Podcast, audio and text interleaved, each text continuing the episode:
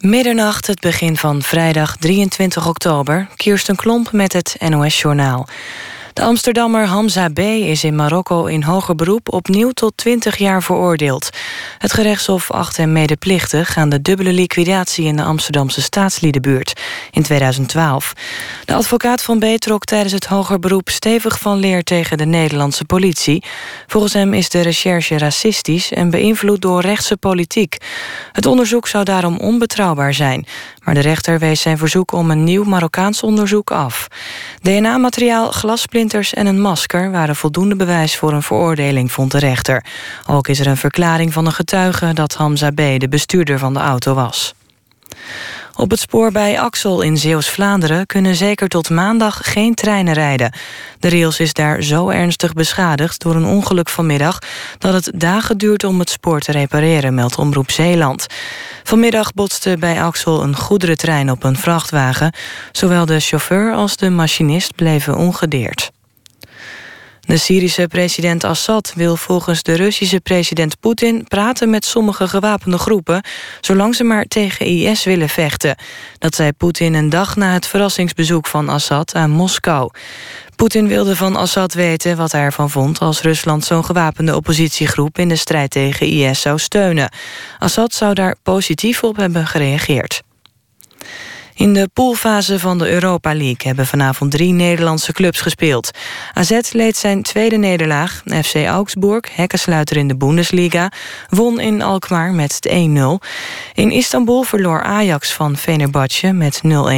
En Groningen wist op de valreep gelijk te spelen tegen Slovan Liberec met een strafschop. In blessuretijd werd het 1-1. Het weer nog hier en daar opklaringen en het blijft droog... bij minima tussen de 7 en 12 graden. Morgenochtend periode met zon, smiddags neemt de bewolking weer toe. Het wordt dan een graad of 13. Tot zover het NOS-journaal. ANWB Verkeersinformatie. Op de A12 Den Haag richting Utrecht... tussen Den Haag-Malieveld en knooppunt Prins Klausplein... staat 3 kilometer file door wegwerkzaamheden. Twee rijstroken zijn daar dicht. Dit was de Verkeersinformatie. NPO Radio 1. VPRO. Nooit meer slapen.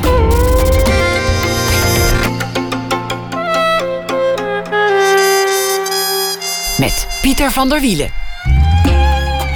Goedenacht en welkom bij Nooit meer slapen. Straks na één uur gaan we het hebben over het nieuwe album van Asterix en Obelix. De titel Asterix en de Papyrus van Caesar. Dan ook een gesprek met Greenpeace-activiste Faisa Oulazen... naar aanleiding van een film die over de groepering is gemaakt... over het 45-jarige bestaan. Maar we beginnen met Midas Dekkers, de Tigmofiel. Het verlangen naar geborgenheid, de titel van het nieuwe boek.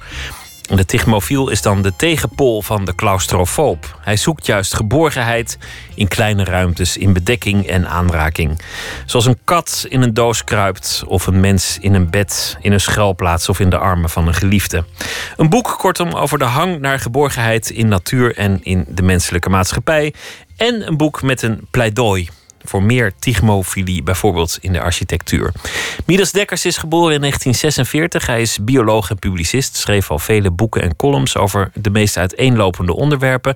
Over kinderen, de larf was toen de titel. Over uitwerpselen en het taboe daaromheen. En wat er allemaal in te ontdekken is. Over bestialiteit, seks tussen mens en dier. En over de onzin en de afkeer van het sporten. Midas Dekkers, hartelijk welkom. Hallo. Ik ken het woord niet, de tigmofiel. Pas later begreep ik dat je het zelf verzonnen hebt. Ja, nee, je hoeft je niks te verwijten. eh, Dus maar met een beetje fantasie.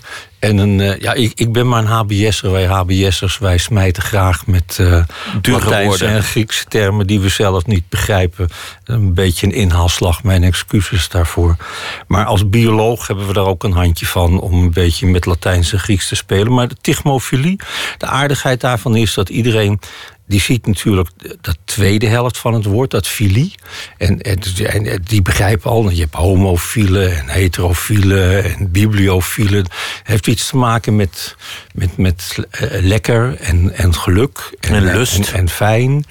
Ehm, maar wat is nou dat eerste deel van dat woord? Hebben, hebben we iets gemist of zo? Nou, dat tigmos, eh, dat is tast. En de tast is het uh, ja, in onze maatschappij meest verwaarloosde uh, zintuig.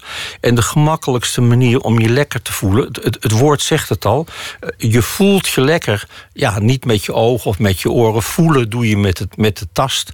En een tichmofiel is iemand die goed begrijpt hoe die met de tast gelukkig kan worden. Hoe die echt letterlijk tastbaar geluk kan ervaren. Nou, dat is toch de hoogste vorm van geluk. Want de, de tast is ons, ons grootste zintuig. Zit, zit overal in ons lichaam. In, in nou, bijna in iedere porie. In, in al onze kleine haartjes zit tast. Toch zoeken we het geluk vaak elders. In, in geluid of in, in, in iets wat we kunnen zien of ja, proeven. we hebben het een beetje hoog in de bol, denk ik. In, in de loop van de tijd, de evolutie uh, zijn onze ogen het belangrijkste zintuig geworden. En via onze ogen nemen wij alle informatie tot ons. Zeker tegenwoordig zit iedereen op een schermpje te turen of uh, met een beetje geluk nog in de krant uh, te lezen. Maar het leven bestaat niet alleen uit informatie tot je nemen. Je, je, je geluk hangt voornamelijk af van je gevoel. En dan ga je dus terug tot veel oudere zintuigen. Uh, je gehoor bijvoorbeeld is al, al veel prettiger voor je gevoel dan je ogen. Als, als je naar een, een tentoonstelling van schilderijen gaat. Uh, zie je hoe mooi die schilderijen ook zijn, zelden iemand in tranen uitbarsten. Als er een heel mooi Brahms wordt gespeeld in het concertgebouw, dan zie je alles het eerste traantje uh, wegpinken. Maar voor een echt gevoel, emoties, moet je naar een nog ouder zintuig, alle trappen naar beneden. En dan kom je op het tastzintuig uit. Echt het oudste zintuig wat er bestaat. Alle andere zintuigen zijn eigenlijk uh, een beetje omgebouwde tastzintuigen. En het leuke van het gevoel is dat je. Kijk, als je iets ziet, dan heb je nog wel het idee dat het bij je ogen binnenkomt. Als je iets hoort, denk je dat het nog iets met je oren te maken heeft. Maar als je je gelukkig voelt, dan word je met je hele lichaam doorgloeid van een sensatie die echt tot in alle botten, in alle organen. En alle andere zintuigen zijn naar buiten gericht, hè, om signalen van de buitenwereld op te vangen. Maar je gevoel, dat zit ook in jezelf. Je kan ook, ook voelen hoe je je van binnen uh, voelt. En als je gelukkig wilt worden, dan zou ik zeggen: Nou, gebruik daartoe dan het zintuig wat bedoeld is voor je gevoel de tast in plaats van al die andere zintuigen. Dat, maar in dat onze is de eerste, de eerste concrete les die in het boek staat voor iedereen die gelukkig wil worden. Zoek een knuffel in plaats van uh, weer een reisje te boeken of een fles wijn leeg te kachelen. Nou, een, knuffel, dat is mij een beetje te zacht. Ik wil wel ja. vermijden. Nee, ik, ik ben niet van de snoezelschool of uh, iets in, in die trant. In, in, in tegendeel. Maar ik ben er wel van overtuigd dat wij vanaf het moment dat we op de wereld zijn gekomen. Uh, dus je, je, je zat zojuist zat je nog in de baarmoeder. Uh, lekker warm, al dat heerlijke vlees om je heen. Dobberend op de grote baarmoederzee. Slechts verankerd door je navelstreng. Dat heerlijke geluid van de hartslag van je moeder. Een soort grootvadersklok. Boem, boem, boem. En opeens, kaboom, word je veel te vroeg in die wereld geslingerd. Word je de wereld ingeknald. en koud is en lawaaiig en vijandig. Vanaf dat moment, letterlijk vanaf de wieg waarin je ingebakerd ligt... tot je graf waarin je heerlijk in je kist terechtkomt... zijn wij op zoek naar geborgenheid. Alleen, je mag dat tegen niemand zeggen. Want zoeken naar geborgenheid, ja, dat is, dat is Jan Sali. Uh, dan ben je een watje. Uh, dan neem je genoegen met zesjes. En in onze maatschappij moeten wij eh, uitdagingen aangaan. We moeten onze grenzen verleggen. We moeten geen genoegen. Op avontuur de wijde wereld in. Wij mogen geen Jan Sali zijn. Jan de Wit moeten wij wezen. Ja, daar zitten wij al vanaf de 17e eeuw, Jan de Wit, mee opgeschreven. Ja, 17e eeuw. En, uh, maar het begon als, als veel boeken. De inspiratie voor het thema begon met de poes thuis in, in de werkkamer. De kat doet iets en, en daar begint vaak dan bij jou een, een werk. Ja, maar dat is niet alleen bij biologen zo. Kijk, het, het, het, het moeilijkste is altijd om iets heel gewoons te erkennen in jezelf. Want je denkt altijd dat, dat wat jij doet, dat dat vanzelfsprekend is. En, en soms zie je wel eens andere mensen raar doen. Dan denk je, hé, hey, waarom doen die raar? En dan veel later ontdek je, hé, dat doe ik ook. Maar de makkelijkste spiegel om in te kijken... als je jezelf wilt begrijpen, dat zijn dieren en vandaar dat biologen uh, af en toe nog wel eens iets te vertellen hebben. En het meeste natuurlijk de dieren eh, pal om je heen. Dus je poesen. En nou, je, je, je poes, poesen die bewijzen je van de vroege ochtend tot de late avond... dat er niets gemakkelijker is om gelukkig te zijn dan door middel van de tast. Ik geef een poes, uh, schoolvoorbeeld, een iets te kleine kartonnen doos en hij springt er ogenblikkelijk in en is helemaal gelukkig omdat hij aan alle kanten iets tegen zich aanvoelt. Als een, doos is een soort uh, 24 uur uh, hij voelt altijd lekker. Maar, en niet alleen poesen, uh, kakkerlakken. Doe het licht aan in de keuken in een niet al te schoon huis. En roets, daar schieten die kakkerlakken weg. Doods en doodsbang. Totdat ze een spleet gevonden hebben. En zo gauw ze in die spleet zijn. En dan voelen ze van boven voelen ze wat. En van onder voelen ze wat. Op het een op het andere moment voelen ze zich helemaal veilig. Eh, de manier om je veilig te voelen, lekker te voelen, goed te voelen, is te zorgen dat er van zoveel mogelijk kanten iets lekkers tegen je. En wij zitten hier nu ook tegenover elkaar in twee van die prachtige stoelen.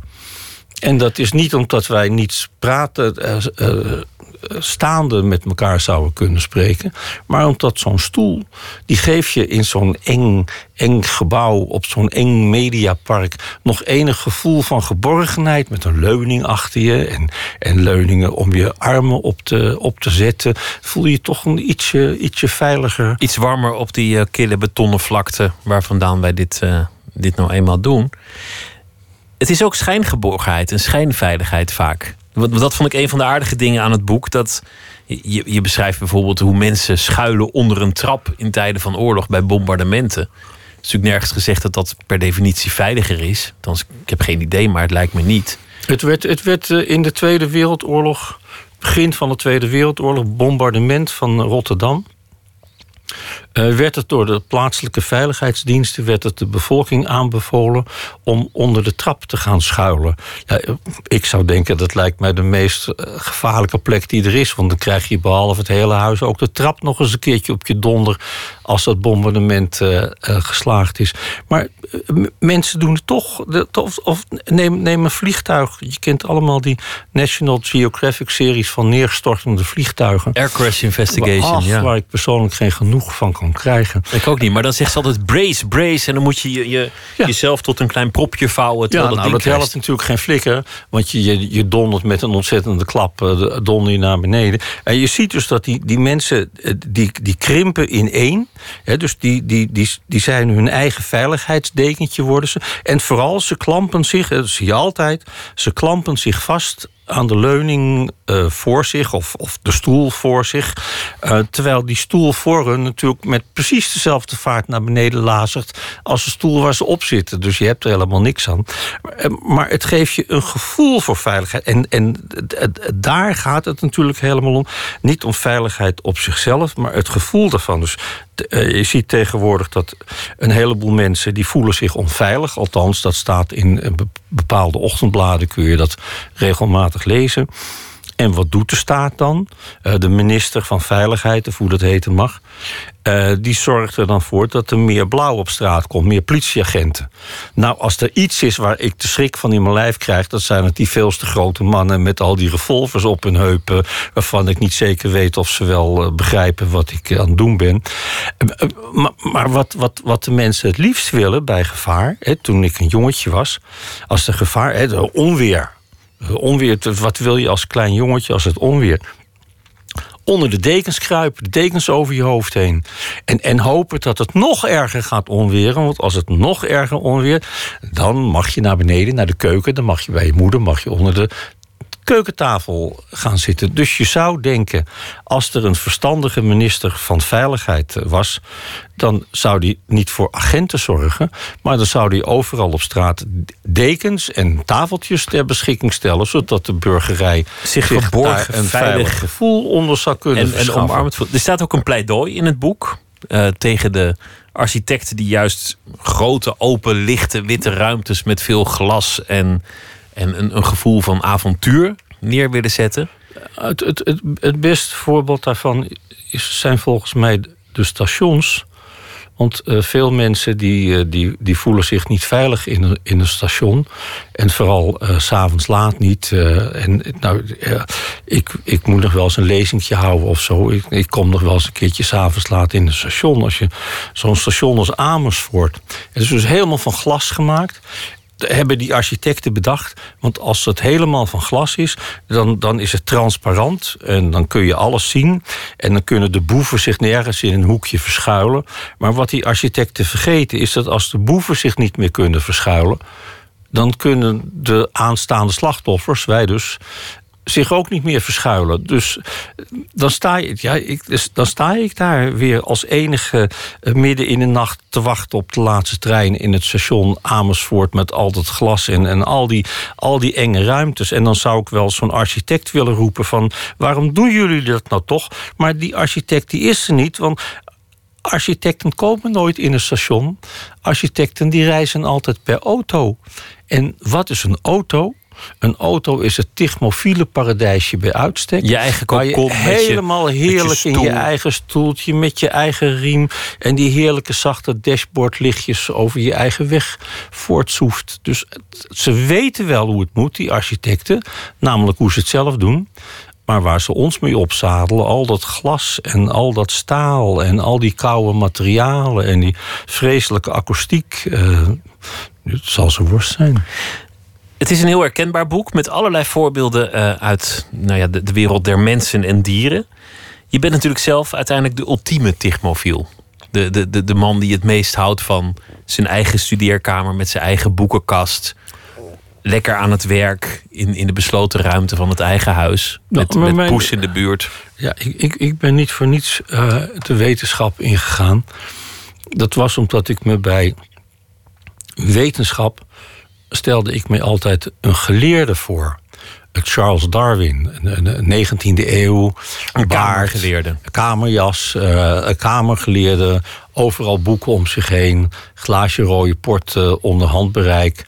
Een beetje keuvelen met andere heertjes. Wat corresponderen. Af en toe de evolutietheorie uitvinden. En uh, verder rusten. Maar toen kwam ik in de echte wetenschap terecht. En dat blijkt nou, tegenwoordig helemaal is wetenschap. Dat zijn teams van jonge mensen die met elkaar wedijveren alsof het een sportwedstrijd is in plaats van een zoeken naar uh, de waarheid. Dus ik heb dat. De, ik, ik wens daar helemaal niet aan deel te nemen. Maar je bent wel een echte binnenbioloog. Want vroeger was de bioloog iemand met, met de modderaanse schoenen en een loep. Uh, ja, ja die, die, die heb je ook. Dat heb ik ook gedaan. Ik heb tijdens mijn studie uh, behoorlijk wat veldwerk moeten verrichten. Ik heb daar drie hele lelijke blaasontstekingen aan overgehouden. En de overtuiging dat wetenschap, dat dat toch voornamelijk iets is van, van denken. Het is ook de, de, de moderne gewoonte dat je niet over geleerden mag spreken, maar dat je het over een wetenschapper moet hebben. Alsof geleerde iets aanmatigends zou zijn. Bij geleerden zie je inderdaad al een, Nobelprijswinnaar eh, eh, voor ogen. Maar de waarheid is natuurlijk dat juist een wetenschapper die pretendeert dat hij het weet, terwijl een geleerde alleen maar beweert dat hij ervoor geleerd dat, heeft. hij ervoor geleerd heeft. En daarom zit hij ook de hele dag in die studeerkamer tussen al die boeken van hem, omdat hij er nog steeds niet helemaal achter is. Maar tegelijkertijd is zo'n studeerkamer natuurlijk een ontzettend geborgen eh, plek. Want al, althans bij mij, die boeken die in mijn studeerkamer staan, die heb ik allemaal gelezen. Ik heb niet alle boeken op de. Maar die in mijn kamertje staan, die heb ik allemaal gelezen. Dus dat zijn een soort, uh, soort buitenboordhersenen van mij. Die, die, daar staat in wat ik niet in mijn binnenboordhersenen heb. En dat is bijna een organisch geheel uh, met mijzelf. Zoals je ook bij heel veel dieren ziet. Een, een slak bijvoorbeeld die bestaat dus aan de ene kant uit het eigenlijke dier, wat een heel week, slap, uh, onveilig, onbeschermd beest is, met daaromheen zo'n huisje van kalk, wat, wat er moet beschermen. En wat je bij heel veel dieren ziet, bij krokodillen, al die gepantserde dieren zie je dan. En, en ja, mijn, mijn boekenkast is mijn, is mijn panzer, wat mij beschermt tegen de boze buitenwereld. Wat de doos voor de, voor de kat is. Zometeen wil ik het met je hebben over uh, de geborgenheid in, in je bestaan, de biologie. En wat, wat toch een merkwaardig vak is. Maar eerst gaan we luisteren naar uh, Tame Impala uit Australië. Cause I'm a Man heet het uh, nummer.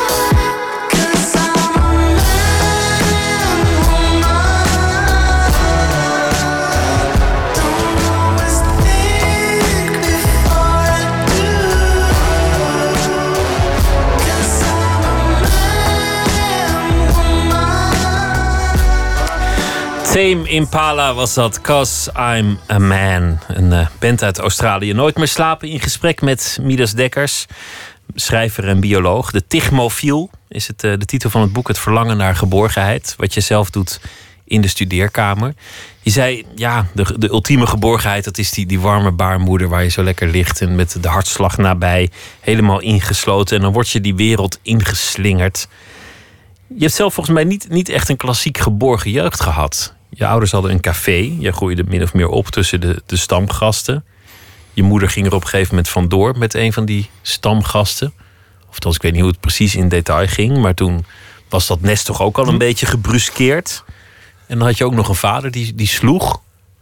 Ja, mij niet hoor. Wel mijn moeder eh, dus. Uh, nou ja, al, al met al geen geborgen nest eigenlijk. Nou, niet in, niet in de klassieke zin. Maar uh, ik ben ervan overtuigd dat de een natuurlijke manier om op te groeien voor een mens eh, dat dat de extended family is. Dat, dat wil zeggen, uh, zoals het op een heleboel plaatsen op de wereld nog gebruikelijk is. In, in Indië, in de kampong, het eenvoudigste voorbeeld. Dat je dus niet alleen met je papa en je mama en één broertje en één zusje opgroeit. Maar ook met een heleboel neefjes en nichtjes en, en ooms en, en opa's en oma's. In een, in een uh, groep van pakweg uh, 20, 30, 40 mensen. En dat was bij jou dus het, het café met, en, met alle ja, zoals, bij, bij Chimpansees is dat ook zo. Die groeien ook in zo'n zo'n extended family. En in mijn geval was dat het café. Dus ja, mijn vader en mijn moeder hadden wat minder tijd voor mij dan uh, gebruikelijk is bij vaders en moeders. Maar daarentegen had ik in de vorm van hotelgasten en cafégasten ontzettend veel ooms en tantes. En van allerlei allooi zodat je al heel snel als kindje leerde hoe je je tegenover andere mensen moet gedragen. Dat er uh, mensen zijn waarbij je je geborgen voelt, waar je heen kunt vluchten als er iets engs aan de hand is. Maar je wist ook, er waren ook oompjes die waren minder aardig. En wat je ook al snel leerde, sommige oompjes waren heel aardig voordat ze iets gedronken hadden. En niet zo aardig meer nadat ze iets gedronken hadden. En sommige tantes waren precies het omgekeerde. Dus uh, al met al was dat een, een hele geborgen manier om uh, op te groeien. Want je kon je bij gevaar kon je altijd terugvluchten naar de veilige haven uiteindelijk toch je moeder, maar ook aardige, aardige klanten. Of ook hele aardige kelners die van kinderen uh, hielden. Eh, maar je kon ook wel, uh, om de wereld te ontdekken. Uh, dus je, je, je, moet, je moet een, een, veilige haven hebben. En van daaruit kun je stapje voor stapje de wereld verkennen. Nou, in mijn geval was de wereld buitengewoon dichtbij. In de vorm van al die vaste klanten die wij in het café hadden. En, café... en je was dus ook snel weer teruggevlucht. Een café is ook een vorm van geborgenheid. Althans, ik heb, uh, ik heb me jarenlang heel geborgen gevoeld in, in cafés. Maar het is ook een beetje een biologische biotoop. Ik bedoel, je bent dan eigenlijk in het café al een soort bioloogje die alle exemplaren daar observeert. Ja, ja. En, en rangschikt. Gevaarlijk, niet gevaarlijk, nou ja, soms gevaarlijk. Uh, uh, je leest het in allerlei, allerlei boeken. Uh, dichter op de Zeedijk, uh, uh, Kunter Kraas, de blechtrommel, Oskaichen, die van onder het tafeltje de, wereld observeert. Zo heb ik ook de, wereld van onder het biljart en van onder de cafétafeltjes heb ik die. Maar je moet natuurlijk wel een, een goed café hebben. Kijk, een, een, een Grand Café aan de Marina eh, daar moet je niet opgroeien. Maar dat kleine café aan de haven, dat begrijpt iedereen. Daar, is, daar ben je blij, daar is geluk, is ieder tevreden. Het, het, moet, het moet klein zijn, het moet overzichtelijk. Het gaat, het gaat en een tikje ouderwets, want, want dat, dat is het dan natuurlijk ook. Hè? Het is, het is ook een, een, een oud beeld, een klein café aan de haven. Uh, ja, maar het, het, het, aardige daarvan is dat iedereen het begrijpt. Ik ik, ik geloof dat het in allerlei landen een populair liedje is geworden. Uh, alleen die zin al krijgt. Net, net zoals zo gauw ik zo'n poes in zo'n doosje zitten. En dan word ik zelf al gelukkig. En als ik maar langs een klein cafeetje loop, dan word ik al gelukkig. Dan heb je al het idee van ja, daar is geborgenheid te vinden. Mocht ik geborgenheid nodig hebben, hoef ik daar maar even binnen te gaan. En dan komt het allemaal goed. Met een glas jenever. Nou, desnoods met een glaasje spa. Je was een, een stripliefhebber, want je, je, hebt jezelf hernoemd. De naam Midas kwam van de grote boze wolf uit de Donald Duck. Dat, wist ik helemaal niet. Ik dacht, oh. dat, dat hebben die ouders gewoon. Nee, bedacht. nee, dat, dat, nee, ik had hele aardige ouders, maar dit, dit kun je ze niet toevertrouwen. Het is een prachtige naam, Midas. Ja, nou, dat was toch, ik, ik was in mijn puberteit ervan overtuigd dat je niet je hele leven lang door moet gaan met de naam die je ouders je ooit hebben. In de puberteit denk je dat je een nieuw mens bent geworden, dat je gemetamorfoseerd bent tot een volwassen mens en dat je dus niet met die kinderachtige naam door moet die je ooit gehad hebt. Dus toen was het zaak een goede naam te kiezen. Hè, want je wil natuurlijk wel je ouders uh, verbeteren. En net in die tijd had ik een vriendinnetje, uh, Patty Klein. Die tegenwoordig als Patty Scholt uh, furoren maakt als dichteres. Maar die toen de tijd de hele Donald Duck vol schreef. met teksten. Eh, ook van de grote boze wolf. En eh, ik wou toen de tijd striptekenaar worden. Want bioloog, dat leek me niks. En eh, samen met Patty had ik het idee om ooit nog het laatste nummer van de Donald Duck te schrijven. Waarin Guus Geluk eindelijk met zijn snavel in een hoop stront valt. En de zware jongens eindelijk dat geldpakhuis van Dagobert uh, leeghalen. Katrien een buitenechtelijk ei legt. En uh, vooral natuurlijk bij het laatste verhaal van de grote boze wolf. Er bij de feestmaaltijd op het eind drie grote dampende potten op tafel staan met drie krulstaartjes eh, eruit zodat de grote boze wolf Midas eindelijk. Ik, had zo'n zo eh, medelijden met hem, omdat ik, ik ben altijd een soort uitvindertje uh, geweest. Dat aan het begin van elk grote boze wolf verhaal dan had Midas altijd de allerbeste biggenvanger ter wereld uitgevonden. Met grijparmpjes en, en lampjes en, en veren en, en valkuiltjes. Echt geweldig dat je denkt, ha, dit is het. Geniaal, geniaal. Ik, dit is echt eh, de professor Sikbok uh, onder de dieren. En uh, ja, dan altijd op het einde loopt het in mijn ogen slecht af weten die biggetjes weer te ontsnappen. Dankzij de machinaties van het vervelende kleine wolfje. wolfje. Wolfje die aan de goede kant stond. Het is ook een daad van, van je losmaken. Want dat is de, de, ook een keerzijde van tigmofilie. Aan de ene kant claustrofobie, het benauwd krijgen, de grote wereld in willen. Maar je moet je natuurlijk ook altijd in je leven losmaken van je ouders. Je moet ook op een gegeven moment move, zelf iemand worden. Jezelf een andere naam geven lijkt mij een uiting van die drang om, om jezelf los te maken. Dat was vroeger heel gebruikelijk. ik, ben, ik ben een klein katholiekje. En bij de katholieken, die hadden een, een sacrament... wat bijna iedereen is vergeten. Het heilige vormsel. En dat kreeg je uh, als je een jaar of twaalf was. Dan werd je geacht uh, volwassen te zijn geworden. En dan, uh, dan kwam de bisschop en die, en die deed hocus pocus Pilatus pas. Maar dan, dan werd je gevormd. En dan was je een nieuw iemand. Maar dan kreeg je ook een nieuwe naam. En ik heb nog steeds de pest in dat ik vergeten ben welke nieuwe naam ik bij dat vormsel gekregen heb van de bisschop van Haarlem. Dat moet ik beslist nog een keertje navragen. maar daar eh, komt het idee vandaan. Ik heb het niet zelf verzonnen eigenlijk. Je hebt een afkeer van, van de kindertijd. Dat stond in je boek De Larf. Mensen moeten zich ontpoppen. Die, die moeten de wereld in. Tegelijk een drang naar geborgenheid. Ik denk dat dat voor iedereen geldt. Je wil aan de ene kant de geborgenheid van misschien wel je moeder, of van, van, van misschien nog wel erger de baarmoeder. Aan de andere kant wil je dat avontuur. Het, lijkt alsof er altijd twee zielen in ieder lichaam nou schuilen. dat, dat, dat, dat, dat is ook zo. Hè? Dus uh, wij worden tegenwoordig allemaal opgestookt om de wijde wereld in te gaan, om heldhaftige dingen te doen, om op vakantie zo ver mogelijk uh, horizonten te bereizen. En tegelijkertijd willen we eigenlijk niks liever dan gewoon geborgen zijn. Als ik, ik, ik, ik zelfs, zelfs bij u meen ik te kunnen zeggen dat ik voor 90% zeker weet wat u morgen gaat doen. Uh, te weten hetzelfde wat u vandaag gedaan heeft. Uh, te weten uh, op tijd opstaan, onder de douche gaan, ontbijten. Als je kinderen hebt die naar school brengen, een boekje lezen.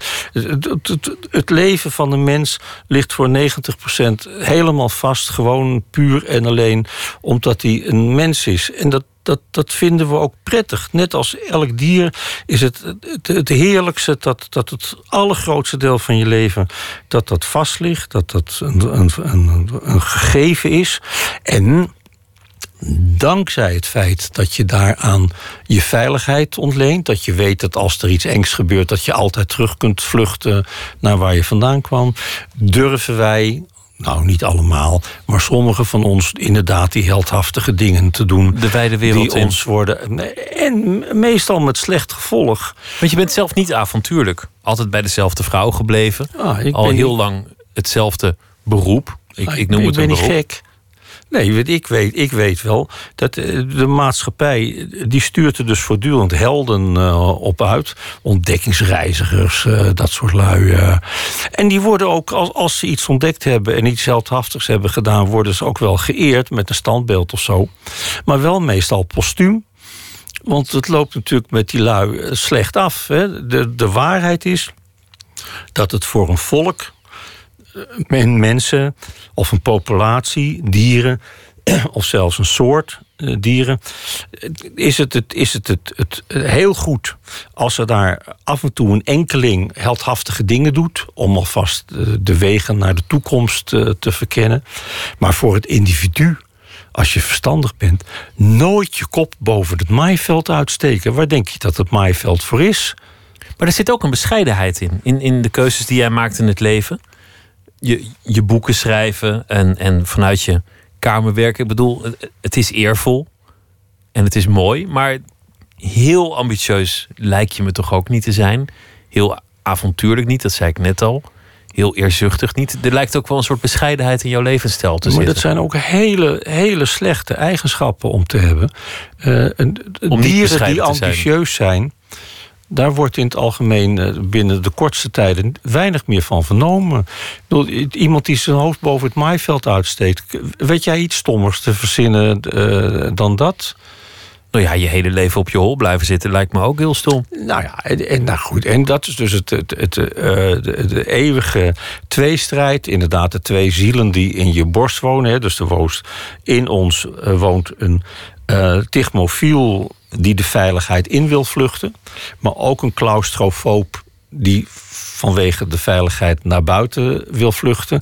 Uh, aan de ene kant willen we graag naar moeders pappot. Aan de andere kant willen we er graag op uit in het algemeen geholpen door hormonen hoor. Maak je maar niets wijs. Denk maar niet dat, dat al die jonge lui die op avontuur uitgaan, dat die dat op eigen initiatief doen. Of dat, ze idealen hebben of wat dan ook. Nou, het zijn voor een groot deel de hormonen die op een gegeven moment beginnen op te spelen. En dat is maar goed ook, want als, als er niemand op. Het, het, mooiste voorbeeld wat ik ken, uh, dat is de, de potvis. En eens in de zoveel tijd zie je altijd wel weer een, een berichtje in de krant dat er weer een potvis is uh, aangestrand. En dan ga ik natuurlijk ook altijd kijken, want het is een geweldig gezicht, zo'n gigantisch beest er op het strand. En, en, maar nog voor ik er ben, weet ik één ding altijd zeker. Dat als ik daar kom, dan zal er een reusachtige pik zal er uit die potvis omhoog reizen. Want als ze dood zijn, dan blaast zo'n piemel die blaast zich op. En het zijn altijd mannetjes. Het zijn altijd jonge mannetjes die hier op onze stranden naar de kloten gaan. en dat zijn de avonturiers. Dat zijn de avonturiers. Die zijn geladen met hormonen. Uh, die dachten, want papa potvis en mama potvis en de kleine potvisjes... die blijven gewoon lekker in de warme potveszee wonen. Die gaan er niet op uit. Alleen ja, die, die, die, die jonge potvismannetjes... die, die pakken de bromfiets en uh, die gaan uh, richting Texel of Ameland. Nou ja, daar spoelen ze dan ook aan met de piek omhoog. Je bent ontkomen aan de vaste baan, want je werd gefascineerd door de biologie. Van, vanuit het café en, en, en de stripkunst kwam die biologie op je pad dan, je, je zei eerder al in het programma van ja, ik, ik vond het aan de ene kant wel een interessant vak, maar had ook wel een soort huiver van moet ik dan wetenschapper worden of moet ik dan inderdaad die natuur in met, met een loep en, en vieze schoenen. Maar Darwin was je voorbeeld, een, een kamergeleerde, dat leek je wel wat. Maar je hebt aanvankelijk nog wel een echte baan gehad. Op, op een echt kantoor waar je elke dag naartoe moest. Nou, niet, niet, niet, niet echt. Kijk, mijn, mijn idealen komen natuurlijk voort uit het stripverhaal. Maar ik, ik, wou, ik wou nooit um, uh, kuifje worden, of Suske of uh, Wiske worden. Nee, ik wou professor Lupardi worden. ik, ik wou Polskowski. Uh, zonnebloem. zonnebloem, de mad scientist wou ik worden. de wereld veranderen met mijn wetenschappelijke toverkunsten. Uh, dus ik wou professor in de natuurkunde worden. Dan, dat leek mij de beste kans om de stand van de aardas te veranderen. Of andere dingen die uh, in mijn kraam te pas kwamen. Of, of met antennes uit te rusten. Zodat zij als willoze werktuigen in mijn handen de wereld zouden veranderen. Maar uh, helaas, helaas, helaas. Ik heb me opgegeven voor de studie natuurkunde. Niet wetende dat veel van die colleges s ochtends om acht of negen uur gegeven werden in mijn tijd. Dus dat werd helemaal niks. En uh, uiteindelijk heb ik mij met, uh, met de biologie uh, verzoend. En zo kwam je eigenlijk aan het schrijven. De reden daarvoor was, naar ik heb begrepen, dat jij als enige een telefoon had. Dat ze je daarom wisten te vinden, klopt dat? Ja, ja nee, dat klopt. De, 1970 ongeveer. Toen werd de milieuhygiëne uitgevonden, zo heette dat toen nog. Toen het milieunet werd uitgevonden. En zoals wel vaker zijn studenten daar altijd als eerste als de kippen bij. Dus wij biologiestudentjes hadden een rapport geschreven tegen de komst van een hele enge fabriek in het westelijk havengebied van Amsterdam. Uh, toen de tijd uh, uh, was de gedachte nog dat wij in Amsterdam om van Rotterdam te kunnen winnen, moesten wij net zoveel petrochemische industrie hebben als zij. Dus toen hebben wij dat Noordzeekanaal voor heel veel geld uitgediept. En hebben we voor heel veel geld hebben we daar een zandvlakte aangelegd met alle mogelijke voorzieningen voor petrochemische industrie. Maar die wouden niet komen, want die gingen allemaal naar Rotterdam. En toen is eerst een Mobil Oil gekomen. En daarna kwam er een hele enge Franse fabriek, de Progil. En daartegen hadden wij studentjes een rapport geschreven en uh, omdat wij de eerste actiegroep waren die met een rap rapport actie voerde, had dat nog wel succes. En het enige bijdrage die ik daaraan heb geleverd, is het omslagtekenen en het telefoonnummer. Want in die tijd hadden nog lang niet alle studentjes telefoon. Ik was het enige studentje met een vast telefoonnummer, want ik woonde nog bij mijn ouders thuis. en, en dus belden al die, die persjongens die iets van dat rapport wilden weten, die belden mijn telefoonnummer. En kennelijk heb ik ze uh, goed te woord gestaan. Want naar aanleiding daarvan zei ze van nou schrijf het eens een keertje op. En nou ja, zo gaan die dingen. En zo werd je publicist eigenlijk. Ja, voor je Eigenlijk weet. omdat je dan min of meer, nou ja, het is een, een telefoon bestond al een tijdje, maar toch een soort early adapter was. Terwijl je nu volgens mij niet eens een mobiele telefoon hebt. In ieder geval geen smartphone. Is een, Nauwelijks niks, op de computer werkt. Niks van dit al. Nee, 0,0. uh, Geen, eh, geen liefde voor techniek. En Ik heb heel veel liefde voor de techniek. Ik ben, ben dol op oude techniek. Ik heb een oude sleepboot met eh, eh, knutsel en oude motoren, bouwradio's. Alles waar je met een grote soldeerbout en een voorhamer en, eh, aan kunt werken. Daar ben ik dol op. Maar die moderne, ik, ik, heb er, ik heb er allemaal geen tijd voor. Ik bedoel, als je dan toch ziet, mensen beweren dat ze al die apparaatjes hebben om zich tijd uit te sparen. Maar ze zijn van 's ochtends vroeg tot 's avonds laat met die dingetjes bezig. Denk ik, welke tijd zijn jullie nou aan het besparen? Ik, nee, ik heb er, eh, je hebt er ik heb gewoon er niks geen mee. tijd voor. We gaan luisteren naar Betty Lavette, een eh, soul diva die pas tien jaar geleden op latere leeftijd doorbrak. En het nummer heet Choices.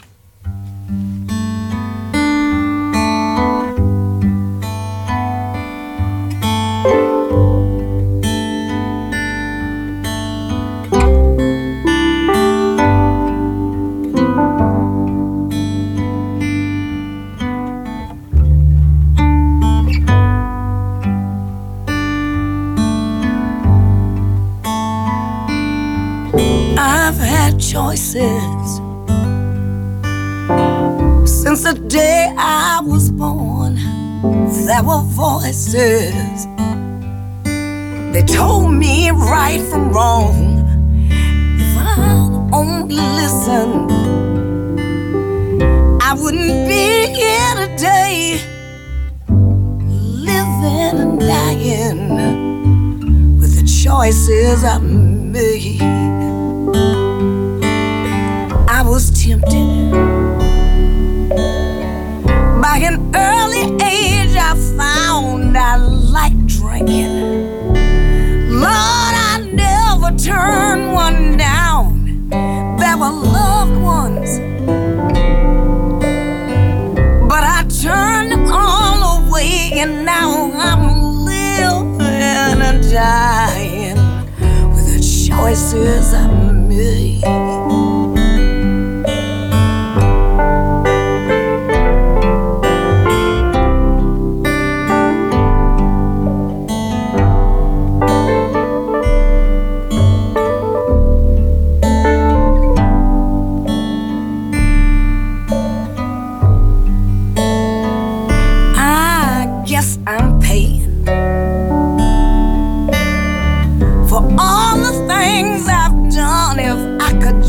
go back. Oh Lord knows I'd run, but I'm still here losing. This game of life I play, losing and dying with the choices I made.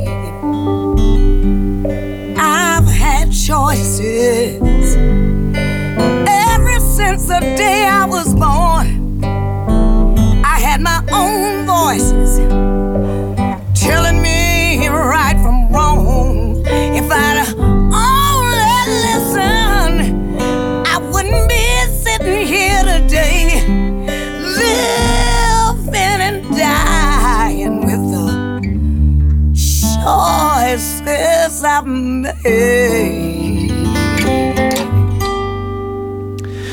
Betty Lafette met het eh, nummer Choices. Midas Dekkers zit tegenover mij in Nooit meer slapen. We hebben het gehad over hoe je je eigen weg vond, bioloog werd en eh, je tigmofiele keuzes maakte, je geborgenheid vond in de studeerkamer.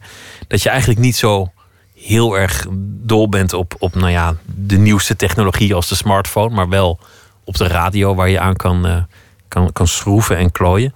Een van de dingen die jij volgens mij heel mooi vindt in de biologie is verval.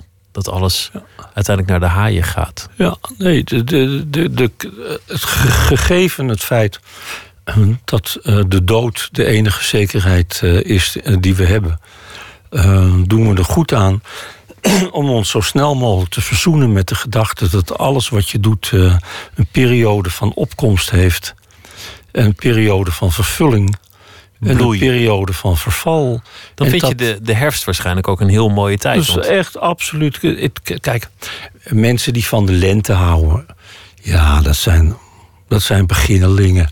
Eh, Van de lente houden als de zon gaat schijnen of zo. Dat is net zoiets als van honden houden. Dat is ook iets voor beginners. Ik, ik hou van jou en dan houdt die hond van, van jou. Waardoor jij weer nog meer van die hond houdt. Als de zon gaat schijnen, ja, ja nee, dat voelt al, dat begrijp ik ook wel. Maar eh, denk je nou eens in, in de plaats van moeder natuur voor moeder natuur is de lente natuurlijk een, een, een verschrikking. Want dan begint het hele gesodemieten weer opnieuw. Dan moet je weer blaadjes eh, gaan maken aan die takken als je een boom bent. Dan komen die kutvogels weer met die kutnesten eh, op die takken van jou. En die vogeltjes zelf hebben het ook niet makkelijk... want die leggen eieren en die vallen er weer uit. Of er komt een ekster en die eet ze op. En, een- en gedoe en je moet ergens een partner vandaan halen. En dat wil allemaal maar niet lukken. En nou ja, vandaar al dat gefluit en getierlier, lier, lier. En dan eindelijk, eindelijk, eindelijk komt de herfst de oogsttijd van de natuur. Die bomen die zijn helemaal klaar. Die eikeltjes die zijn klaar. Die beukennootjes die zijn klaar. Je kan die blaadjes kan je lekker laten. Die vogels ook. Die hebben het, de, eh, de kinderen zijn de deur uit. Eh, ze hoeven nog net niet dat hele end naar Afrika eh, te vliegen. Dus die zitten ook heerlijk met een sigaar en een cognacje eh, op eh, de laatste tak. Een, een prachtige tijd. En er komt elk jaar weer de, de grote eikeltelling. Daar moet ik elk jaar toch stiekem om gniffelen. Het is heel, heel kinderlijk. Maar dan zegt ze toch een enorm goed eikeljaar dit jaar. Vind, vind ik altijd ook grappig. Geniet je ook van de herfst van je eigen leven? Je eigen ja, verval? ja. Heb, heb ik keus?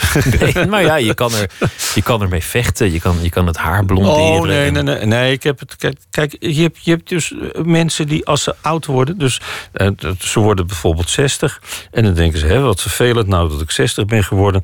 Weet je wat, ik doe net alsof ik 50 ben. Dus dan gaan ze naar de sportschool en ze, ze trekken kleren aan die eigenlijk niet bij hun leeftijd passen. Of ze smeren dingen op hun gezicht als ze een vrouw zijn. Of ze, ze scheren haar weg op plekken waar het hoort te zitten. Uit nijd dat het niet meer zit waar het, eh, eh, waar het zat. Eh, en dan moet- krijg ik altijd zo'n medelijden mee. Want dan denk ik, toen je, nou je 60 bent, wil je zo graag 50 wezen. Maar toen je 50 was, was je ook niet tevreden. Want toen wou je 40 wezen. En toen je, eh, enzovoort. Dus iedereen loopt met zaggerijnige koppen rond. Omdat ze altijd 10 jaar ouder zijn dan dat ze eigenlijk hadden willen wezen. In plaats van dat ze nou gewoon tevreden zijn met de leeftijd die ze op dat moment eh, eh, hebben. Want wat je zei, je hebt geen keus. En ja, dus ik, ik, ik, ik ben nu eh, 69 alweer. Ik verheug me erop om 70 te worden, want toen ben ik nog nooit geweest. En 71 lijkt me ook ontzettend spannend. Maar je bent Eh, wel als de dood om te sterven. Ja, ja, nee, dat, ja, dat is het punt. Nou maar hopen dat ik ook blij ben als ik doodga. Dat, dat, ben ik, dat weet ik nog niet zeker. eh. Maar er staat tegenover dat als, als eh, God of Darwin eh, je genade genoeg is... dat je oud genoeg mag worden. Dat zie je wel bij, eh, eh, sommige hele oude mensen die geluk hebben. En zo stel ik mij ook het ouder worden, het nog ouder worden en de dood voor. Dat je uh, op een gegeven moment zo oud bent dat je denkt van... weet je wat, ik ga hier maar zitten, ik ben een beetje moe.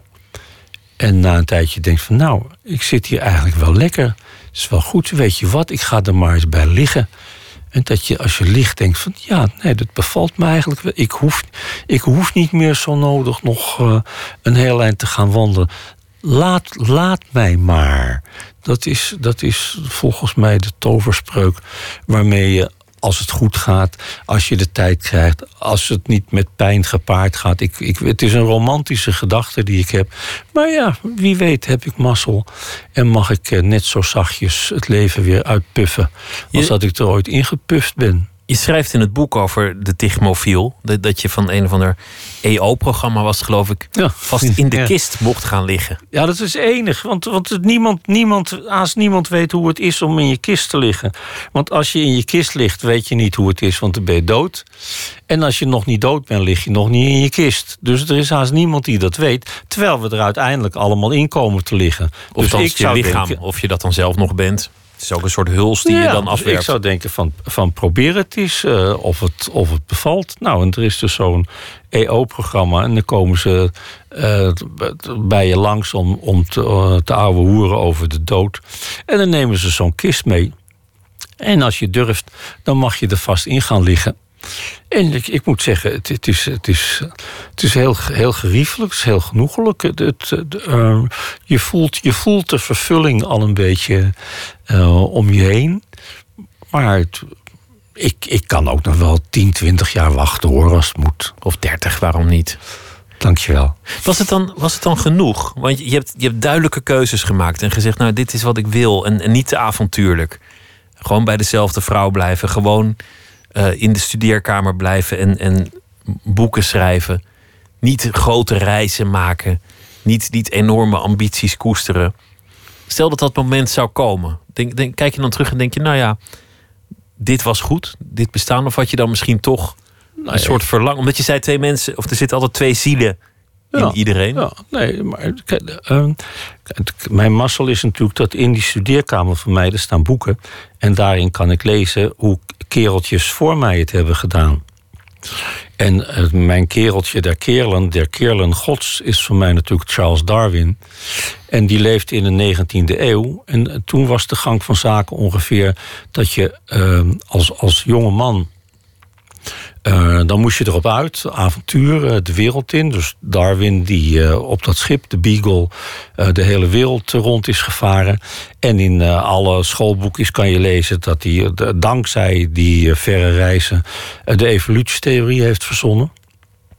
Maar als je nou doorleest in de geschiedenis, dan lees je dat Darwin weliswaar een grote reis heeft gemaakt. Maar dat hij daarna zo snel mogelijk. Toen, toen hij eenmaal die, die, die boot weer in Engeland was aanbeland. Toen was hij zo blij dat hij weer. Hij heeft nooit meer één poot buiten Engeland gezet. Hij heeft nauwelijks een poot buiten zijn dorpje of buiten Londen eh, gezet. En eh, daar heeft hij al suffend en ijsberend en boekjes lezend. Uh, heeft hij zijn grote gedachten ontwikkeld. Hij heeft eigenlijk ehm, zijn tigmofiele zelf erkend. Ja, dus het, het, het, is, het, is, het, is altijd, het zijn altijd de, de, de twee dingen. Het, het, en dat is natuurlijk het leuke van het menselijk leven. Anders zou het ontzettend saai zijn als je maar één van de twee zielen in je borst. Uh, hem zijn, haar zijn zin uh, zou, zou geven. Je moet natuurlijk, het, het, het, woelt, het woelt altijd. Als je binnen bent, wil je naar buiten. Als je buiten bent, wil je naar binnen. Maar ik vind dat het evenwicht tegenwoordig wel heel erg uh, is uh, verschoven naar het naar buiten gaan. Dat je in Amsterdam meer toeristen ziet en Amsterdammers ziet. Dan denk ik, is, dan willen de, willen de mensen dus kennelijk zo graag ergens heen waar ze niet thuis nou ja, horen. De gedachte is, uh, je leeft maar één keer. Je moet er iets van maken. Mm -hmm. er, er, lijkt een soort troost in van nou, dat eenmalige avontuur. Maak het dan zo compleet mogelijk. Kijk je er anders tegenaan als je bioloog bent? Omdat je ook het, het nut van het verval ziet. En het nut van het sterven en van het verrotten. Oh ja, nee, nee absoluut. Want uh, nou, wij biologen geloven in kringlopen. En die kringloop die bestaat natuurlijk uit uh, eerst één helft eh, omhoog, zou ik maar zeggen. En dan daarna één helft weer omlaag. En in onze maatschappij, ik heb daar een boek over geschreven, De Vergankelijkheid. eh, wordt alleen maar het trappetje omhoog, dat wordt verheerlijkt. Hè, de carrière maken. Hè, de jonge mensen willen niks liever dan carrière maken. Die willen hoger en hoger en hoger en hoger. Niemand die ze verteld heeft dat als je eenmaal boven bent, dat je dan nog maar één kant op kan. Namelijk weer naar beneden. En eh, in plaats van dat ze je nou vertellen dat de weg bergaf net zo mooi uitzicht heeft als de weg bergop. En bovendien een stuk minder vermoeiend. eh, wordt alleen de weg naar boven, die wordt bejubeld. En de weg naar beneden wordt afgeschilderd eh, als verval. Terwijl je het net zo goed een vervulling zou kunnen noemen. Het klinkt ook wel heel ehm, nou ja, geordend, je, je bestaan. Ik bedoel, je, je, hebt het, je hebt het voor elkaar, je leeft zoals je wil, het is in overeenstemming. Is, is er dan geen ruimte voor ondeugd? Zit er niet iets, iets scheef in, in, in, in het leven van Midas Dekkers? Ik bedoel, heb je, rijd je nog wel eens een scheve schaats? Oh ja, ja, nee, nee, nee. Oh, al van jongs af. Ah, nee, ik ben katholiek opgevoed, gelukkig. Nee, dat is ook een van de grootste tigmofiele verworvenheden. Eh, en Een goede raad voor iedereen. Als je van het leven wil genieten. Als je, stel je voor dat je al van het leven geniet. en je wil dubbel van het leven genieten. is één toverwoord voor. Doe het stiekem.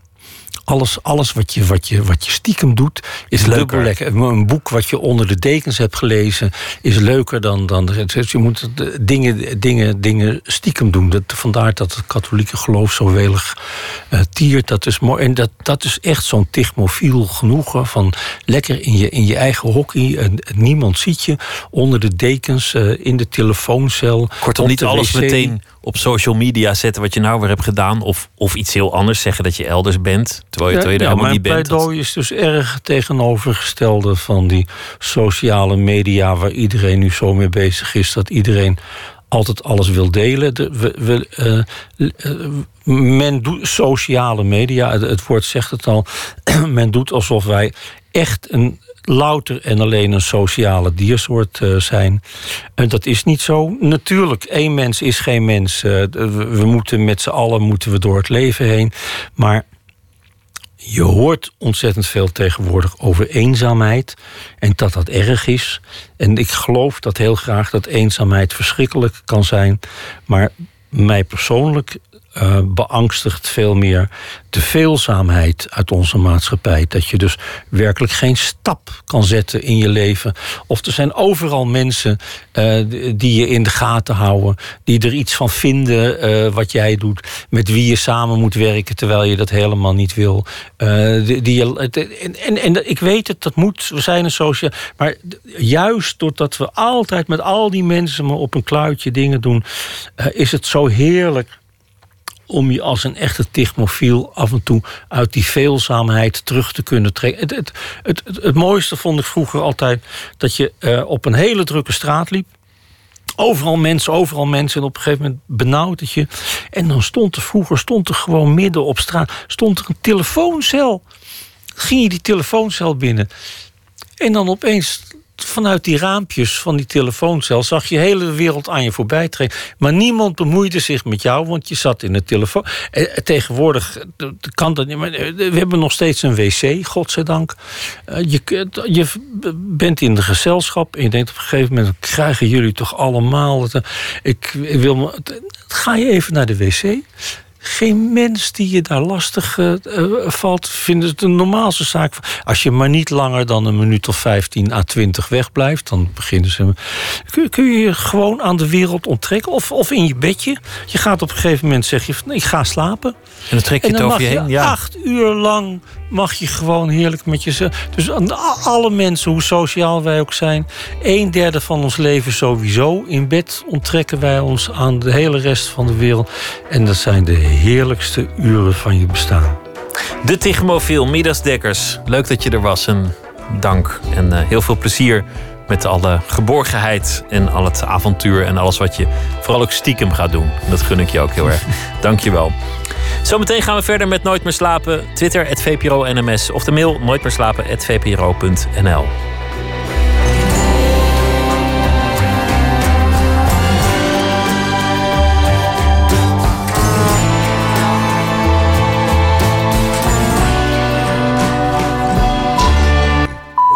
uur, Kirsten Klomp met het NOS-journaal. De advocaat van de Amsterdammer Hamza B. gaat in beroep tegen de uitspraak van het gerechtshof in Marokko. In hoger beroep kreeg Hamza B. opnieuw 20 jaar cel. Volgens het gerechtshof is hij medeplichtig aan de dubbele liquidatie in de Amsterdamse staatsliedenbuurt drie jaar geleden. DNA-materiaal, glassplinters en een masker waren daar voldoende bewijs voor. Maar de advocaat van B zei dat de Nederlandse recherche racistisch is en beïnvloed door rechtse politiek. Daarom zou het onderzoek niet betrouwbaar zijn en gaat de advocaat de uitspraak opnieuw aanvechten. Op het spoor bij Axel in Zeeuws-Vlaanderen kunnen zeker tot maandag geen treinen rijden. De rails is daar zo ernstig beschadigd door een ongeluk afgelopen middag dat het dagen duurt om het spoor te repareren, meldt Omroep Zeeland. Een goederentrein botste bij Axel op een vrachtwagen. Zowel de chauffeur als de machinist bleven ongedeerd. De agent die vorig jaar informatie niet doorgaf na een terreuraanslag in Brussel, heeft een voorwaardelijke celstraf gekregen van twee maanden. De agent kreeg een tip na de aanslag in het Joods Museum over de gebruikte Kalashnikov. Die informatie bleek uiteindelijk niet te kloppen, maar de agent werd dus toch vervolgd. De advocaten van de man gaan in beroep. Bij de aanslag op het museum vielen vorig jaar mei vier doden, onder wie twee Israëlische toeristen. De vermoedelijke dader werd later opgepakt in Frankrijk. In de poolfase van de Europa League hebben afgelopen avond drie Nederlandse clubs gespeeld. AZ leed zijn tweede nederlaag. FC Augsburg, hekkensluiter in de Bundesliga, won in Alkmaar met 1-0. In Istanbul verloor Ajax van Fenerbahce met 0-1. En Groningen speelde gelijk tegen Slovan Liberec. In blessuretijd werd het 1-1. Het weer nog hier en daar opklaringen en het blijft droog... bij minima tussen de 7 en 12 graden. Morgenochtend periode met zon. Smiddags neemt de bewolking weer toe. Het wordt dan een graad of 13. Dit was het NOS Journaal. NPO Radio 1. VPRO. Nooit meer slapen.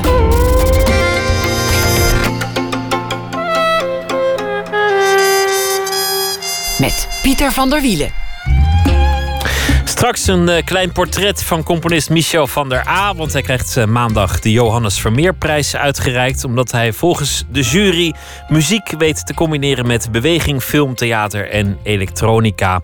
Ook een gesprek met uh, Greenpeace-activiste Faisa Oulassen. Naar aanleiding van de film How to Change the World. Een portret van de eerste jaren van de milieubeweging Greenpeace. Bert Natter is deze week onze gastschrijver. Hij zal elke nacht een verhaal maken over de voorbije dag. Deze week is ook zijn nieuwe roman verschenen, Goldberg, over de beroemdste leerling van Johann Sebastian Bach, meneer Goldberg. Goedenacht, uh, Bert Natter. Goedenacht. Weer een dag om. Wat, uh, wat vliegen die dagen? Vertel eens over deze afgelopen dag. Ja, nou, het begon al bij het ontbijt. Toen uh, vroeg ik aan mijn vrouw, wijzend op een foto in de krant waarop Poetin en Assad te zien waren. Stel je voor dat je wordt verplicht een boek te lezen over het leven van een wereldleider.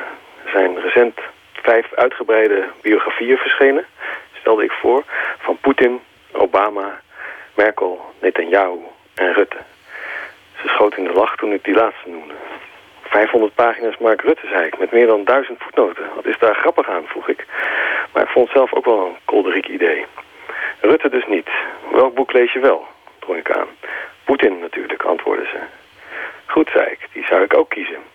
Volgende vraag. Nu zijn er iets minder dikke biografieën verschenen over leiders van Nederlandse politieke partijen. Samson, Pechtold, Roemer, Buma en Wilders. Ze zei Wilders. Op de een of andere manier zijn slechterikken als Poetin en omstreden figuren als Wilders veel interessanter dan heel bijzondere en waardevolle mensen als Obama en Buma. Ik reken haar voor dat de man over wie ik in mijn leven de meeste bladzijden heb gelezen waarschijnlijk Adolf Hitler is. Ondanks al die biografieën en studies over hem had ik overigens nooit, nog nooit van zijn ontmoeting met Amin al-Husseini gehoord. De Israëlische premier Netanyahu kwam gisteren in het nieuws doordat hij beweerde dat bij die gelegenheid de grootmoefti van Jeruzalem de Führer op het idee van de vernietiging van de Joden zou hebben gebracht. Dat is onzin, maar een gesprek tussen deze twee Jodenhaters heeft eind 9, uh, november 1941 zeker plaatsgevonden. Weer wat geleerd, dacht ik. Leerzamer vond ik achteraf nog dit inzicht. Misschien is het wel een heel goed teken dat Nederlanders in het lach schieten als ze denken dat er een vuistdikke biografie zal verschijnen over hun zittende premier. Ja, een vuistdikke biografie over, over Mark Rutte. Dat, dat, Ja, ja, dan moet je als biograaf toch wel echt, echt goed je best doen. Het is een ontzettend amabele man, daar gaat het niet om. Maar dat lijkt me toch wat. Ik vond die foto ook fascinerend, waar, waar je mee begon. Ja. De, de, de, de foto van de, de twee kerels die elkaar ontmoeten. Vooral de tegelvloer trok mijn aandacht. Omdat ik niet zo lang geleden ook een foto van Assad in zijn eh, paleis zag. En die had ook zo'n tegelvloer. Zo'n niet heel erg mooie tegelvloer, van die plafuizen. ja. Zegt dat iets, vroeg ik mij nog af. Ja, nou, ik, ik, ik zag nog iets anders. En, en, maar toen dacht ik dat voor de radio niet zo goed om het over te hebben. Namelijk, ze, ook de minister van Buitenlandse Zaken zat op die foto. En ook nog een, een, een dienaar van Poetin. En iedereen draagt hetzelfde pak ongeveer. Hetzelfde overhemd, hetzelfde stropdas. En mij is wel eens opgevallen dat als de, de leider van een land... Bijvoorbeeld, de vorige... eh, eh, minister-president, of wat, is het ongeveer, van Iran, die droeg nooit een, een stropdas. En zijn hele entourage was stropdasloos. En bij Poetin, die zit al strak in het pak, hele entourage strak in het pak. In India hebben ze van die soort eh, ehm, vreemde, eh, nou ja, vreemd, maar opvallende, kraagloze, eh, soort ja, iets tussen een jasje en een overhemd. Dragen ze ook meteen allemaal. Dan denk ik, dragen ze dat nou omdat de leider het draagt? Of draagt de leider dat omdat ze het toch allemaal al dragen? Kortom, worden ze uit dezelfde pool geworven waar men nou eenmaal een stropdas Ja. draagt. En, en daarom heeft dan de, de, de opperdespoot er ook een. Of is het nou eenmaal zo dat de Ja. coolies om de leider heen het Ja. gedrag van de leider imiteren? Ja, ja. Zo, oh shit, nou hebben we er eentje zonder stropdas. Wacht, ik doe hem ook meteen af.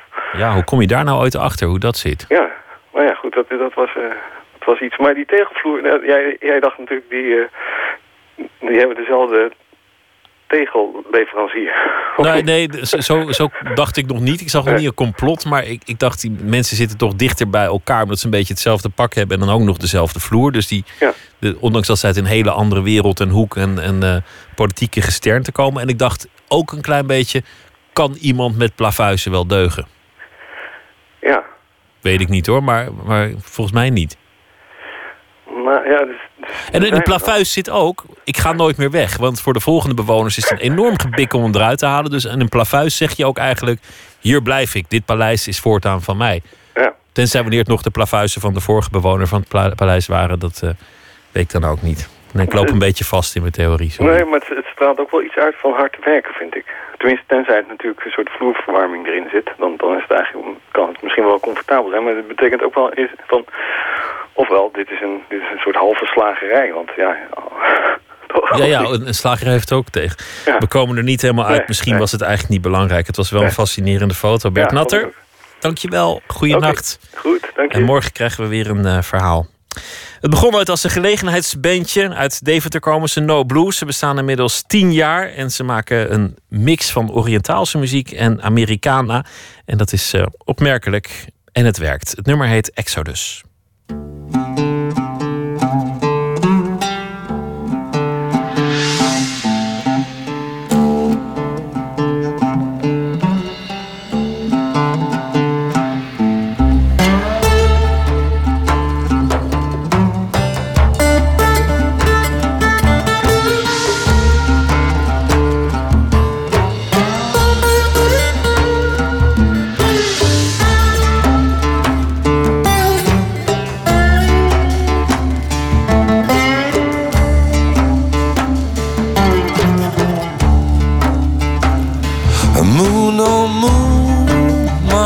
Heart is heavy. My mind is filled with flames. At night, my words feel empty. On my lips, her solid name. And the city is oh so hostile. Evil's knocking on our door. This family is far too fragile. Cannot protect them anymore.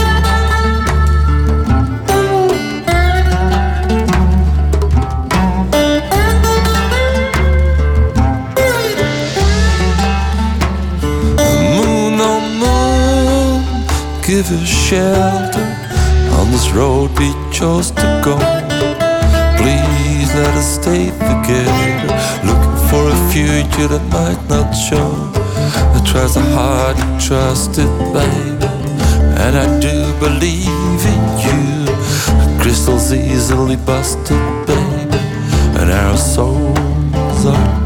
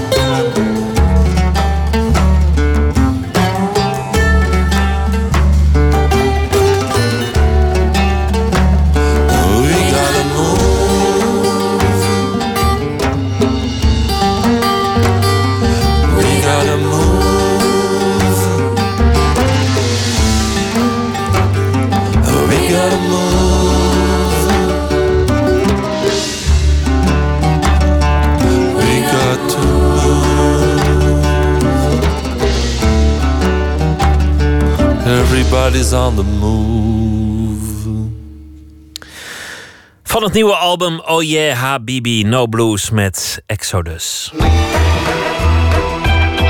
Nooit meer slapen. Aanstaande maandag krijgt eh, componist en regisseur Michel van der A de Johannes Vermeerprijs uitgereikt. De staatsprijs voor de kunsten. Die ging de afgelopen jaren bijvoorbeeld naar mensen als Erwin Olaf, Alex van Warmerdam en Rem Koolhaas. Van der A krijgt de prijs vanwege zijn baanbrekende rol die hij heeft gespeeld in het internationale muziekleven. En omdat al dus de jury zijn muziek als vanzelfsprekend een combinatie maakt tussen beweging, film, internettheater, elektronica en visuele elementen. Verslaggever Jan-Paul de Bond ging bij hem op bezoek in zijn thuisstudio te Amsterdam.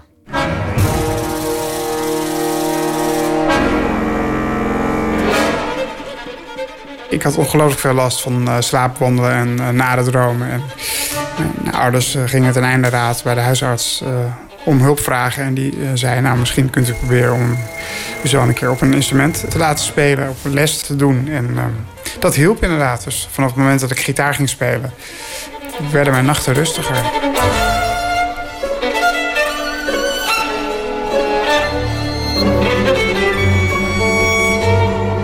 Ik vind het leuk dat er een publiek is, of is ontstaan eigenlijk van twintigers en dertigers die uh, genrevrij denken en uh, heel makkelijk uh, wisselen tussen um, klassiek, elektronisch, jazz, pop.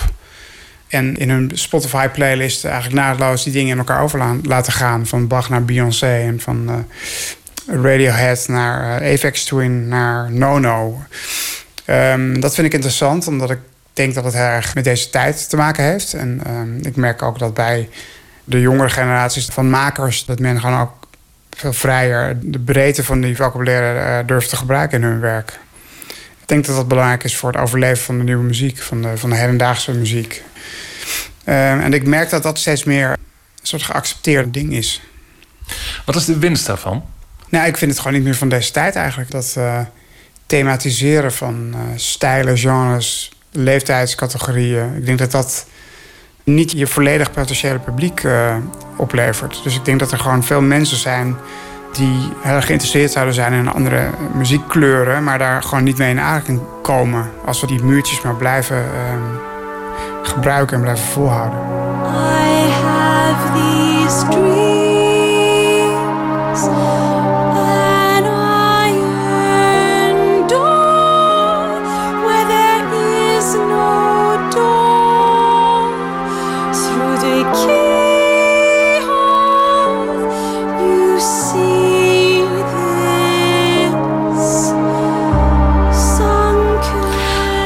Bent er zelf eigenlijk ook een wandelend voorbeeld van. Ehm, want je maakt niet alleen muziek, maar je maakt ook theater, film enzovoort. Ik was eigenlijk benieuwd. Je hebt op een gegeven moment je naam behoorlijk gevestigd met je eerste composities. En toen heb je gezegd, nou, nou ga ik even een jaar wat andere dingen doen. In Amerika heb je een Ja. opleiding voor film gedaan. Ja. Je hebt ook theaterregie eh, gedaan. Dus je bent allerlei andere disciplines gaan onderzoeken. Wat dreef je daartoe? Nou, is er natuurlijke nieuwsgierigheid. Ehm, al snel werden mijn partituren, ehm, of schreef ik steeds meer ehm, ehm, eh, theatrale en visuele opmerkingen in mijn eh, partituren. Steeds meer regieaanwijzingen. Dus niet alleen maar speel die noot, maar ook ehm, hou, je, hou je strijkstok boven de snaren en bevries je beweging. mim met de muziek mee.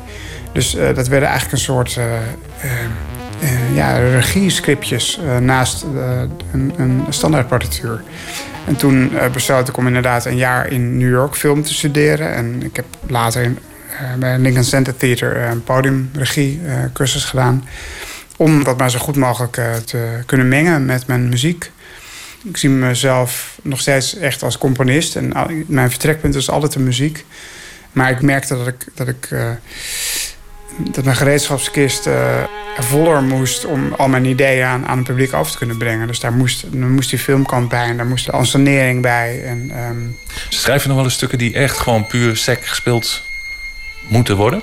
ja, zeker. Ik heb een vioolconcert gemaakt voor Janine Jansen eh, vorig seizoen met het Concertgebouworkest.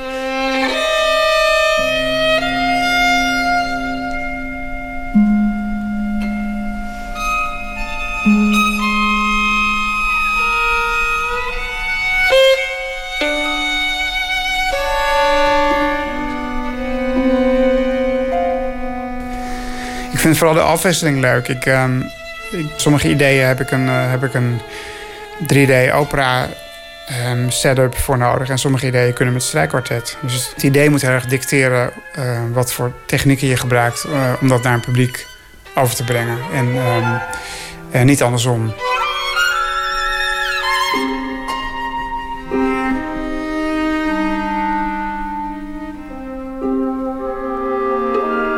Book of Sand is denk ik een goed voorbeeld om te laten horen ehm, hoe, hoe ik met elektronica een totaal eh, andere sfeer neerzet.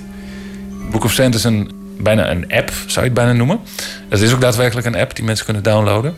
Nou ja, daar moeten we even naar kijken. Dan heb je hem meer ergens, kun je hem meer... Mijn telefoon. Zet even het geluid aan.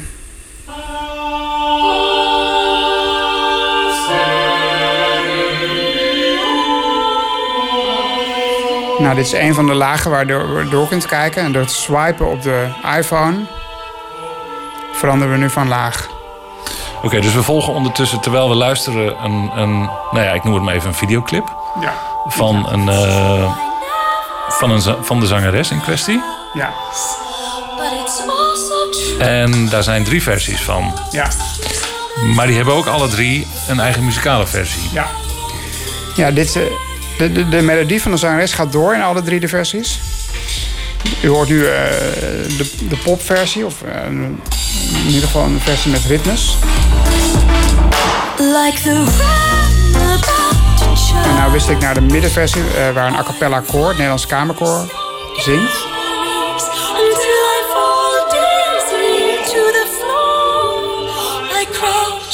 En nu ga ik naar de onderste versie.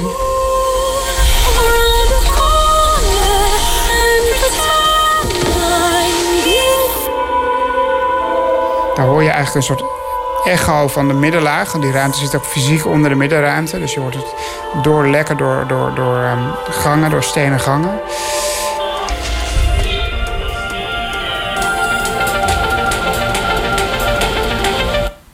Je leert mij hoe één bestaande zanglijn eh, met totaal andere eh, arrangementen overeind kan blijven. En een heel totaal andere sfeer kan meegeven. En ik volg ondertussen drie verhaallijnen die volgens mij aan het eind ook weer bij elkaar komen. Ja. Wat zeg maar dit verder? Wat, wat wil je ermee uitdrukken?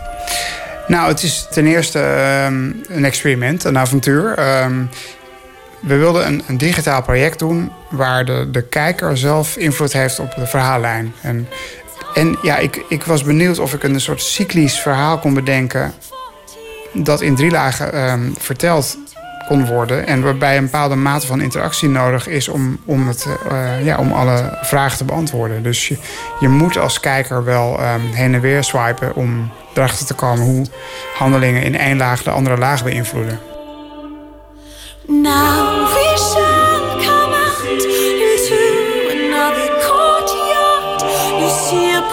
Filled with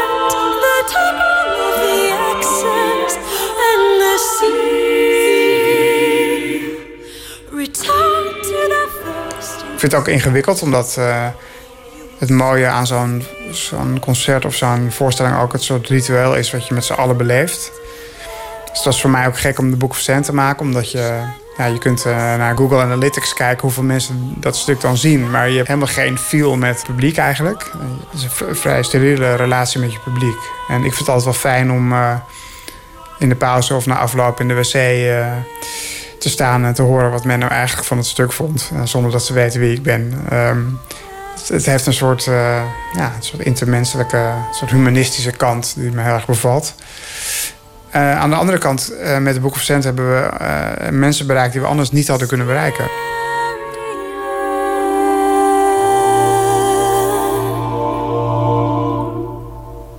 Ik las over jouw werk dat er vaak een, een personage, noem het maar een protagonist, in voorkomt. En dat is een vrouw.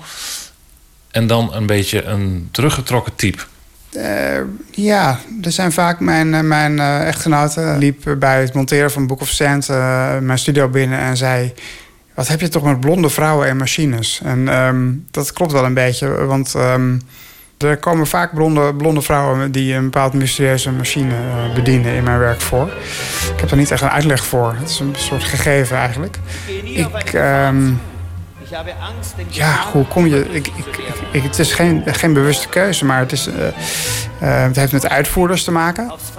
Je werkt graag met een mezzo-sopraan. Nou, met een sopraan of met een mezzo. Een vrouwenstem, vind ik, een goede vrouwenstem is, is, ligt dichter ja, bij mijn hart dan een mannenstem misschien. Maar met, met, met mijn grotere opera's, daar zijn mannen en vrouwen hoor. Dat, is, eh, daar- dat discrimineer ik niet. Ach, diese ganze Landschaft ist nirgendwo.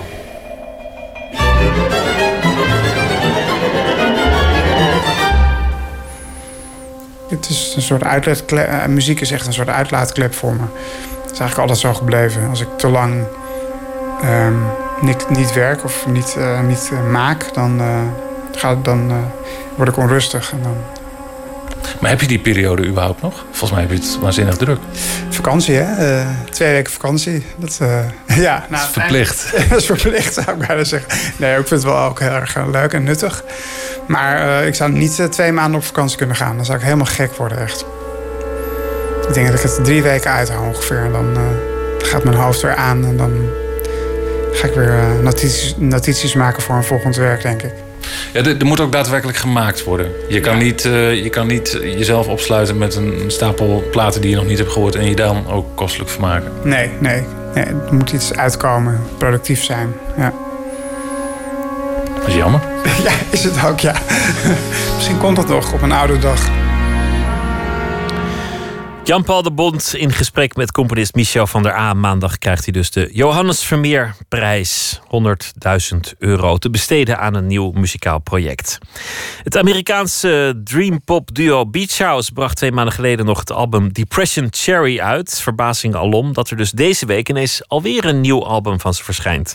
Thank Your Lucky Stars is daarvan de titel. En dit nummer staat erop, Somewhere Tonight.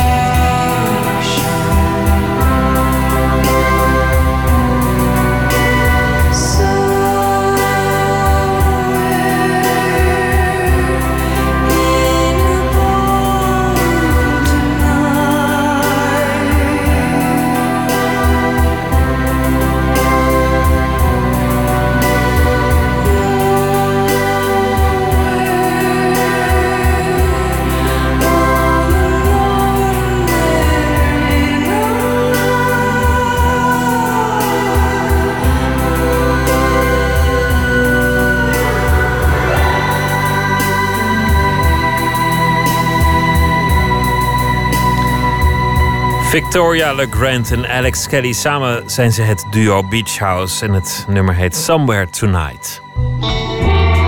Nooit meer slapen. Het had vandaag een mooie gebeurtenis moeten zijn. In het grootste geheim zou hij worden gelanceerd. Het nieuwe album van Asterix. Niet langer gemaakt onder de namen Uderzo en de reeds overleden Goscinny. Maar dit keer van de hand van Jean-Yves Ferry en DJ Conrad. Helaas, afgelopen weekende zijn er al een paar Duitse kiosken... die Asterix, de papyrus van Caesar, al hebben uitgebracht. Of gelekt, als je het zo wil noemen. En uh, ja, dat is een beetje opzet. Of misschien is het ook wel heel passend. Want het nieuwe album gaat over de onthulling van gevoelige documenten die de reputatie van Caesar hadden kunnen schaden. Maarten Westerveen is dagcorrespondent. Goeienacht, uh, Maarten. Goeienacht. Je hebt uh, Asterix nummer 36 al mogen lezen. Het gaat altijd over de oudheid, maar ook een beetje over het heden. Heeft het iets te maken met Wikileaks? Uh, ja en nee. Net bij een, goede Asterix dan kan je en van het verhaal en van de verwijzingen genieten. En ik moet zeggen, ik vond het best verrassend. Uh, je kent misschien wel de, de, de, de Gallische oorlog van Caesar. Caesars memoires over die oorlog. Nou, die zijn nogal ronkend. Maar in dit verhaal blijkt natuurlijk dat hij het hoofdstuk... waarin hij telkens weer door Asterix en Obelix wordt verslagen... uit zijn boek heeft gelaten. Nou, er is een nieuwsjager en die is achter dat hoofdstuk gekomen... en die wil dat lekken. En die nieuwsjager die heet Polemix. En die kan je onmiddellijk herkennen als Julian Assange. Als je hem enigszins kan voorstellen, dan zie je hem ook meteen in Asterix-vorm. Sterker nog, men wou hem ook eerst nog Wikileaks noemen, met een X aan het eind. Uh, maar dat vonden ze net iets te dik op. Maar het is overduidelijk een verwijzing naar een overheid die een complot heeft om de waarheid verborgen te houden. Kortom, een, een goede Asterix. Een mooie verwijzing naar ja, de oudheid. Ja, en een mooie knipoog naar het heden. Dat deden ze altijd al. Vroeger was het dan ja. naar de Gaulle en later naar uh, andere Amerikaanse presidenten bijvoorbeeld. Het is natuurlijk interessant wat de liefhebbers hiervan vinden. Een, een Asterix van de nieuwe makers. Ja, nee, de recensies tot nu toe zijn uh, eigenlijk heel erg geprijsd. Ik moet zeggen, het, zag er ook echt, het ziet er ook echt goed uit. Je zou bijna niet kunnen doorhebben dat het niet de oorspronkelijke schrijvers zijn geweest. Ik belde met Jaap Torenaar, die is leraar klassieke talen aan het Stedelijk Gymnasium te, Leiden. En hij is de auteur van Asterix in de Vrolijke Wetenschap. En dat is een soort onmisbaar compendium over alles uit dat Asterix-universum. En ik wou vooral eerst weten, zitten alle oude grappen er ook weer in? Commentaar op de vis van de visboer zit hier ook in. Gedoe met het schild van Heroix ontbreekt hier. De zang van de Bart wordt niet gewaardeerd. Tuurlijk is dat hier weer zo. Mij valt trouwens op. Je gezien, heeft een enorm groot blaasinstrument. En dat doet me heel erg denken aan Guus Vlater. Die ook zo'n, hoe heet het, de Flaterfoon of zoiets. Uh, volgens mij is dat een, een knipoogje naar Franquin, de schrijver van uh, Guus Vlater. Uh, de vrouw van Nestorix houdt hem steeds onder de duim. Hè? De horoscoop zegt tegen Nestorix van uh, je gaat nieuwe veroveringen maken. En dat is militair bedoeld, maar dat kun je ook in de erotiek opvatten. En zijn vrouw steeds boos zit er weer in. Ruzie tussen Bellefleur en Heroix zit erin. Um, het achterlaten van Idefix bij een buitenlands reisje, dat ontbreekt hier, want ze gaan nu niet op reis. Overgevoeligheid bij Obelix wanneer hij het woordje dik hoort, komt erin voor. Ruzie tussen Asterix en Obelix soms en dan weer goed maken. Citaten van bestaande liedteksten zitten vaak in. Dat weet nog niet, want ik moet het Frans origineel gaan bestuderen. Ga ik doen natuurlijk, want uh, je hoopt op een herdruk van je boek en dan komt er een hoofdstukje bij. Uh, maar ontzettend veel uh, running gags. de visslag en woord, woordspelingen, leuke namen. Dat zit er allemaal weer in. Ja hoor. Alles zit erin. Kortom, het klinkt als een goede Asterix. Is altijd gevoelig hè, voor de stripliefhebber. Moet je doorgaan als de, de oorspronkelijke auteurs het niet meer doen? Dat is met uh, Suske en Wiske een hele discussie geweest. Dat is dan wel doorgegaan. Franquin kwam langs. Dat is eigenlijk nooit meer echt opgepakt. Zijn werk althans een beetje misschien. Is het, is het ze gelukt? Is deze Asterix even goed als, als de ouderwetse Asterix? Dat kan je een, een oud lezer niet vragen, want ik, kan dat, ik, vind het goed. Het is natuurlijk nooit zo goed als toen ik het als achtjarige, negenjarige las. Maar het is, het is, de, de stijl is getroffen en ze hebben het goed door. Ze snappen echt wat die, wat die twee Galliërs nou zo grappig maakt... en waarom je ze wil volgen. En, en aan de andere kant kan je zeggen... ja, dit gaat echt over een heel modern verhaal. Het lekken van documenten. Maar juist omdat al die oude grappen er weer terugkomen... Um, blijf je het volgen? Kan je het ook volgen? Blijft het invoelbaar? Maar goed, het gaat dus over zo'n complot. En ik belde met Teun Gauthier, dat is de voorzitter van Publix... de organisatie die klokkenluiders assisteert. Hij had de strip ook gelezen en hij was heel tevreden. Ik vond het activistisch. Ik vind het een ik ga het heel ver, vind ik gezegd. De, de, de, er worden een paar mensen heel erg op de hak genomen, waaronder de journalisten. Die kopiisten worden genoemd en stom zijn en we toch niet begrijpen. Heel boeiend. En de, en de uitgever, ik ben zelf een uitgever, dus het zie je nogal op. Er, is, er komt een uitgeving voor die ook verschrikkelijk te grazen wordt genomen. En, uh, um, en het gaat over een, een, inderdaad iets wat de macht, Caesar in dit geval, probeert weg te houden. Op advies overigens van iemand anders. Um, en dat iemand besluit dat dat toch naar buiten moet komen. En brengt dat dan vervolgens naar buiten. Echt een uh, Jacques, kortom. Dat, uh, dat is mooi. Je leest het natuurlijk een beetje vanwege de knipogen naar de oudheid. Maar ook gewoon vanwege mooie knokpartijen, orgieën, everzwijnen en uh, de opgehangen Bart. Ik bedoel, ik wil ook gewoon het, uh, het, de oude formule terug. Nou, en die, die zit er dus ook in. Uh, en het grappige is, ik sprak nog even met Torenaar over ook dit, dit element van Asterix. Hè, over het, wat je er allemaal niet in kan lezen. En hij verzekerde me, dit is van alle tijd. Jo, er is zoveel uitgehaald Goscinny toen hij nog leefde steeds heel boos om werd. Want ze zijn uh, chauvinistisch genoemd, uh, de Gaulle-aanhanger, uh, antifeministisch,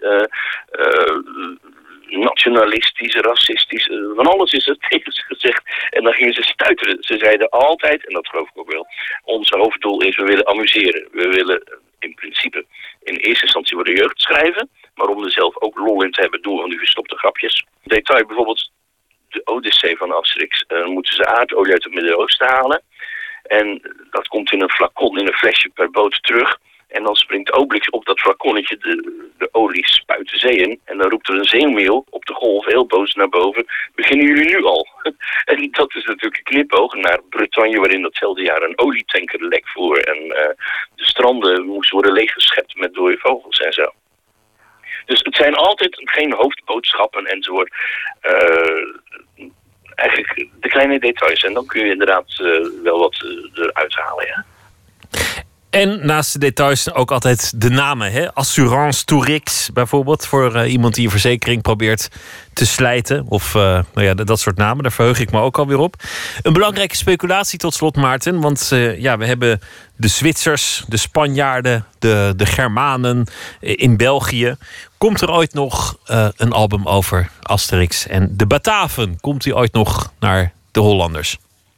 Ik hoop dat in ieder geval nog steeds. En ook hier vroeg ik even eh, Jaap Toornaar na. Waar ik trouwens hoop van dat de NPO een soort livestream van die man in het leven brengt. Zodat hij 24 uur per dag non-stop over Asterix en Obelix kan praten.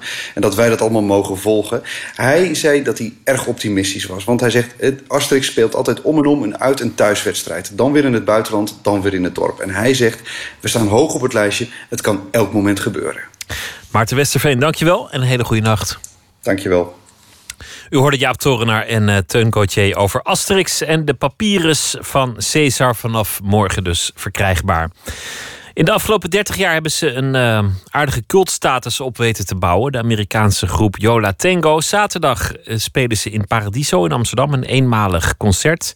We spelen een nummer van Bob Dylan, oorspronkelijk, Fourth Time Around. Dit keer door Yola Tango. En Bob Dylan komt ook dit najaar weer naar Nederland.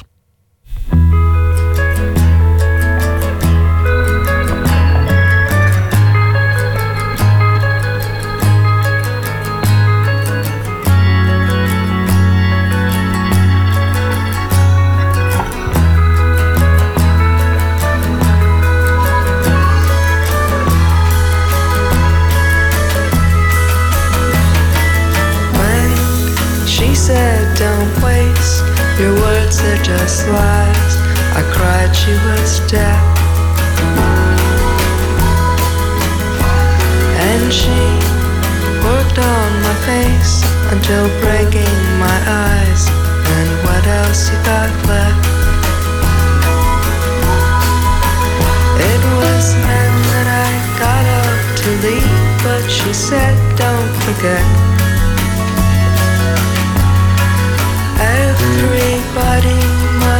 something back or something like that. I stood there in hope. I tapped on her drum. I asked her how come. And she buttoned her boot and straightened her suit. Then she said, Don't get cute.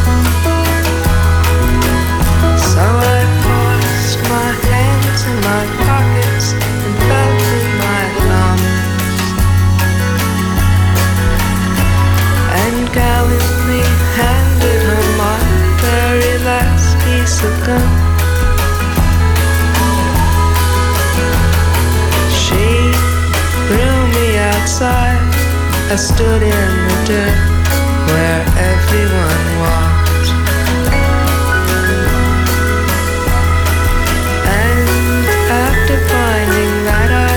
Forgotten my shirt, I went back and knocked. I waited in the hallway, she went to get it, and I tried to make sense. Out of that picture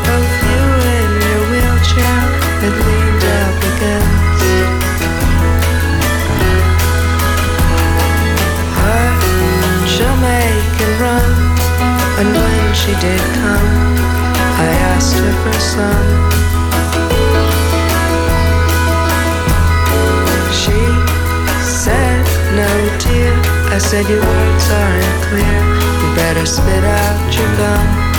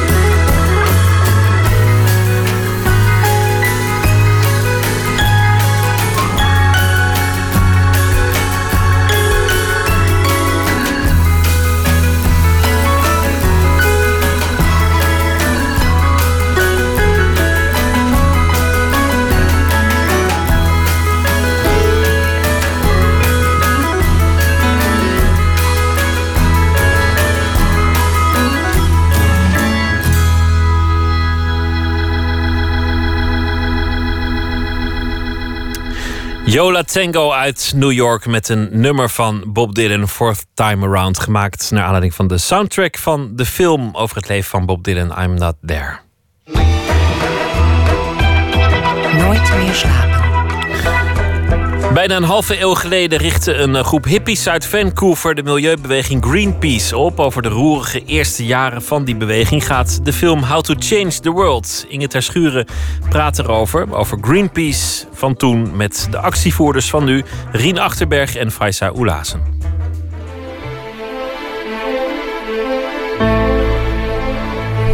On the windswept island of Amchitka, final preparations for the test go on, filling the 6,000 foot deep hole with sand.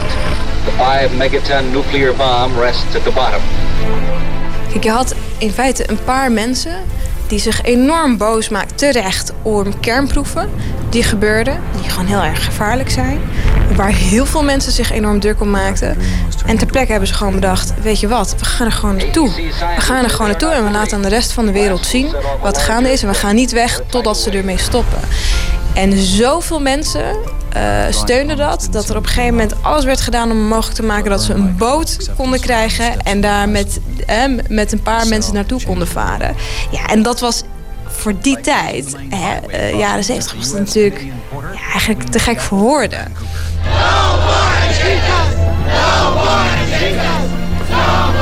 Begin jaren 70. De Vietnamoorlog is in volle gang. De hippies prediken love, peace en happiness. En dan kondigt president Nixon aan dat hij een atoomproef gaat uitvoeren op het eilandje Amchitka bij Alaska. The protest ship, the Greenpeace, is heading for Amchitka, hoping to anchor offshore and stop the test. Een groepje hippies uit Vancouver onder aanvoering van Bob Hunter besluit in actie te komen. Ze kunnen de tests niet voorkomen. Bij thuiskomst worden ze onthaald als helden. De geboorte van Greenpeace is een feit. Maar het is die eerste jaren wel improviseren geblazen. Ja, er was geen, geen, geen geld, er was heel weinig steun. Er was wel morele steun, maar uh, verder eigenlijk heel weinig. Dus met hele lage kosten deed hij toch zoveel mogelijk. Rien Achterberg is al ruim 44 jaar actief voor Greenpeace. Eerst vanuit Nieuw-Zeeland, nu vanuit Duitsland. Er waren niet geen advocaten die het eerst bekeken van hoe gaan we dat doen of kunnen we dat wel doen, wat de legale toestand is. En ook uh, wat betreft de veiligheid. Hadden we geen helmen. En 17 keer, dat, dat, dat, dat was, was gewoon geen geld voor. Je deed het gewoon.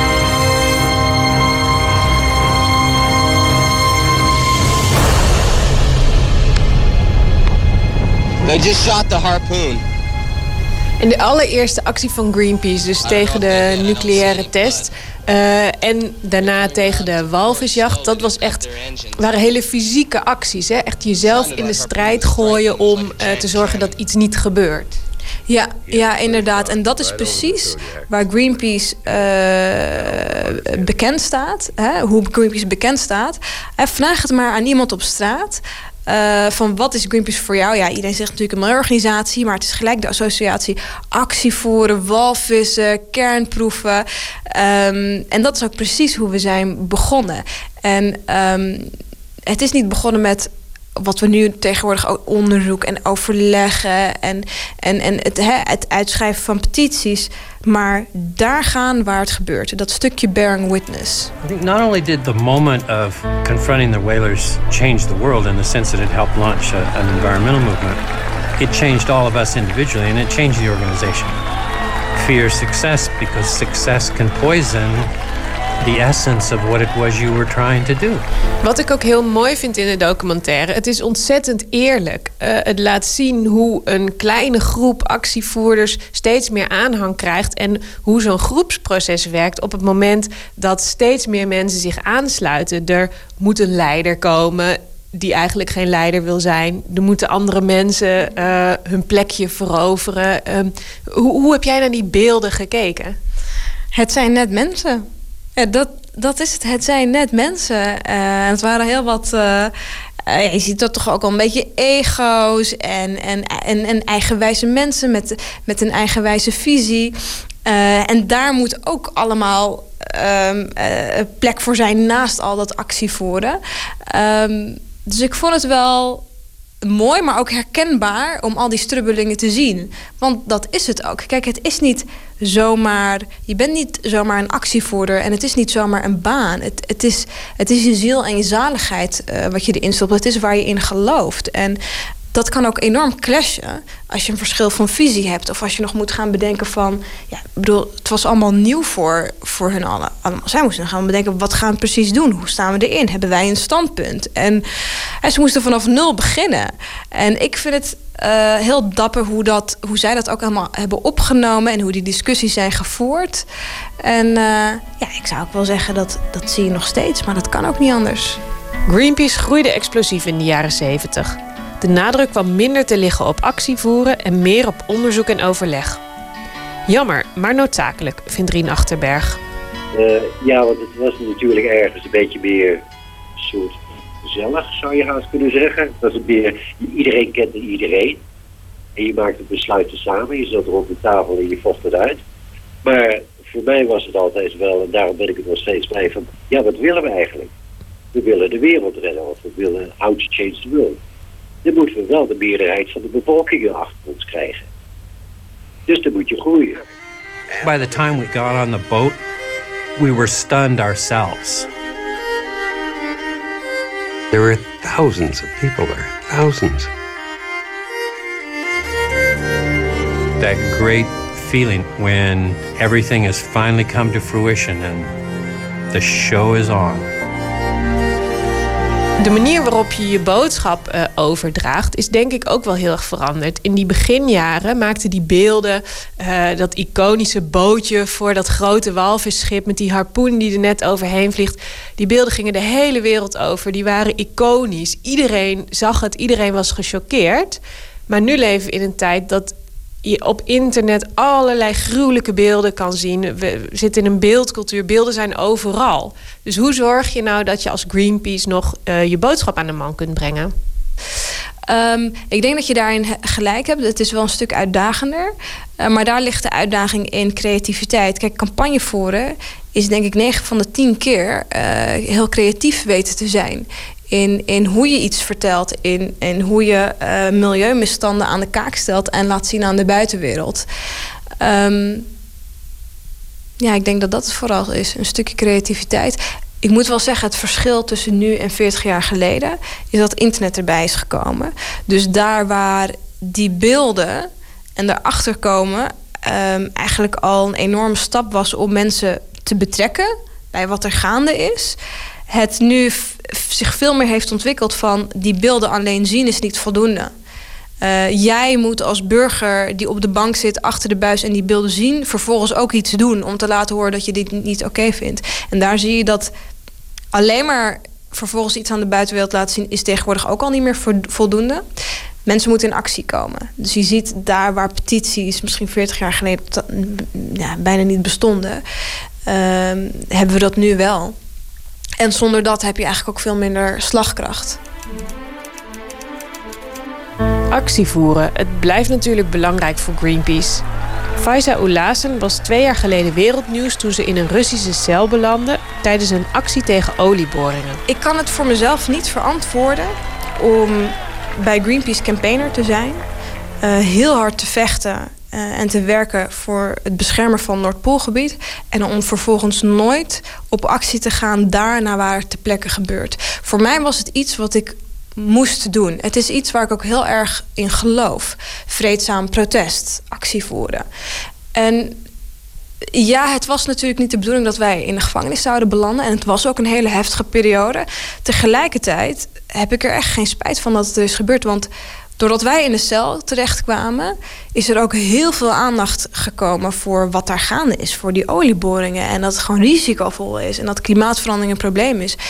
En ik merkte dat heel erg toen ik vrijkwam. En wat het ook heeft gedaan. Ik bedoel, Shell heeft zich onlangs teruggetrokken. Uh, vrijdag eh, kondigde de Amerikaanse overheid aan dat ze in feite de deur dichtgooien voor de kust van Alaska. Dat zijn wel momenten dat ik denk van die twee maanden cel zijn echt niet voor niets geweest. En het was heel heftig. Um, maar het heeft ook de wereld laten zien wat het probleem is. Nog iets wat in al die jaren sinds het ontstaan van Greenpeace niet veranderd lijkt: de bevlogenheid van de actievoerders. Are you willing to die for a seal? If I die for a seal, I die for a seal, but I, I don't think I'm going to have to die for a seal. I don't think it will come to that. Uh, ik heb een vingertje aan Greenpeace gegeven. Toen is mijn hele lichaam erbij betrokken geraakt. En werd overgenomen door Greenpeace. Ja, het is je leven. Het is je leven. Ik, het, je, moet, je moet echt passie hebben voor waarvoor je vecht. En um, um, het is niet gewoon een baan van 9 tot 5. Het is veel meer dan dat.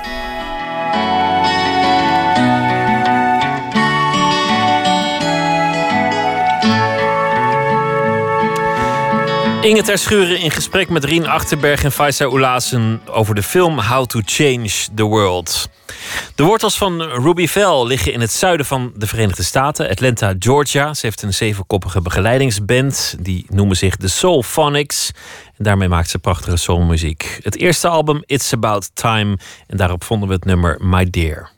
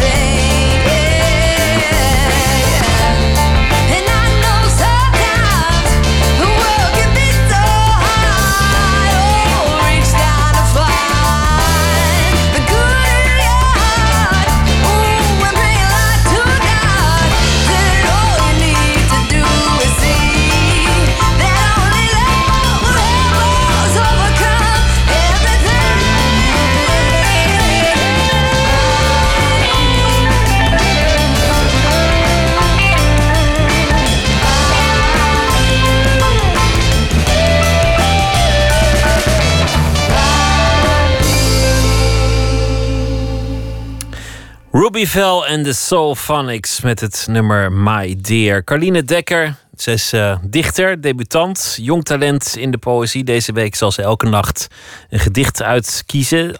Afgelopen jaar uh, publiceerde ze haar eerste bundel.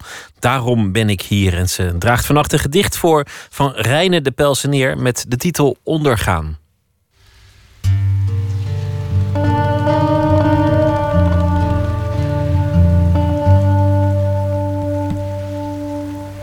Het gedicht dat ik vanavond voor wil dragen is van um, de Vlaamse schrijfster Reine de Pelseneer.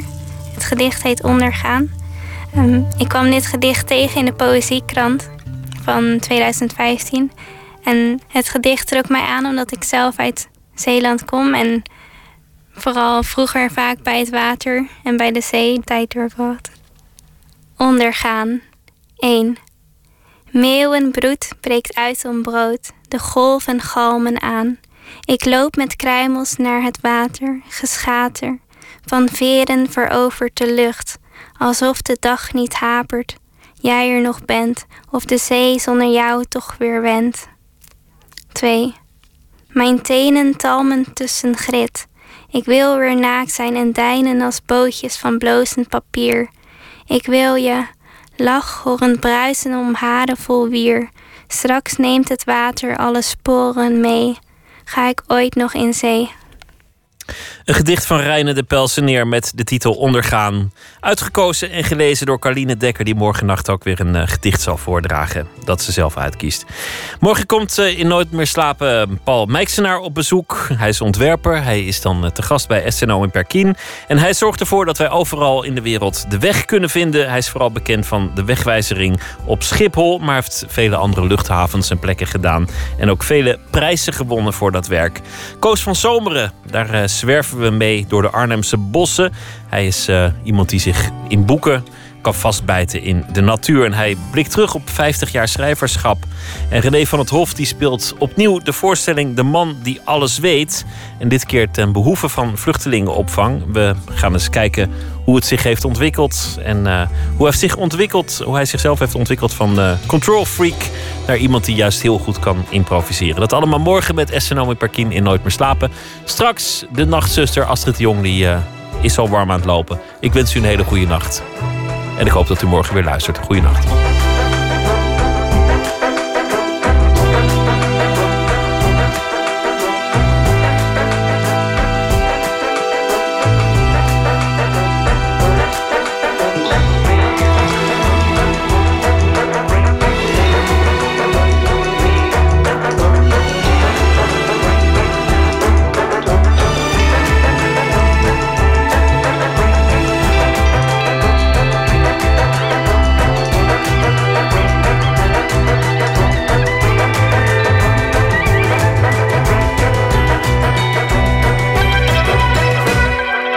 Radio 1. Het nieuws van alle kanten.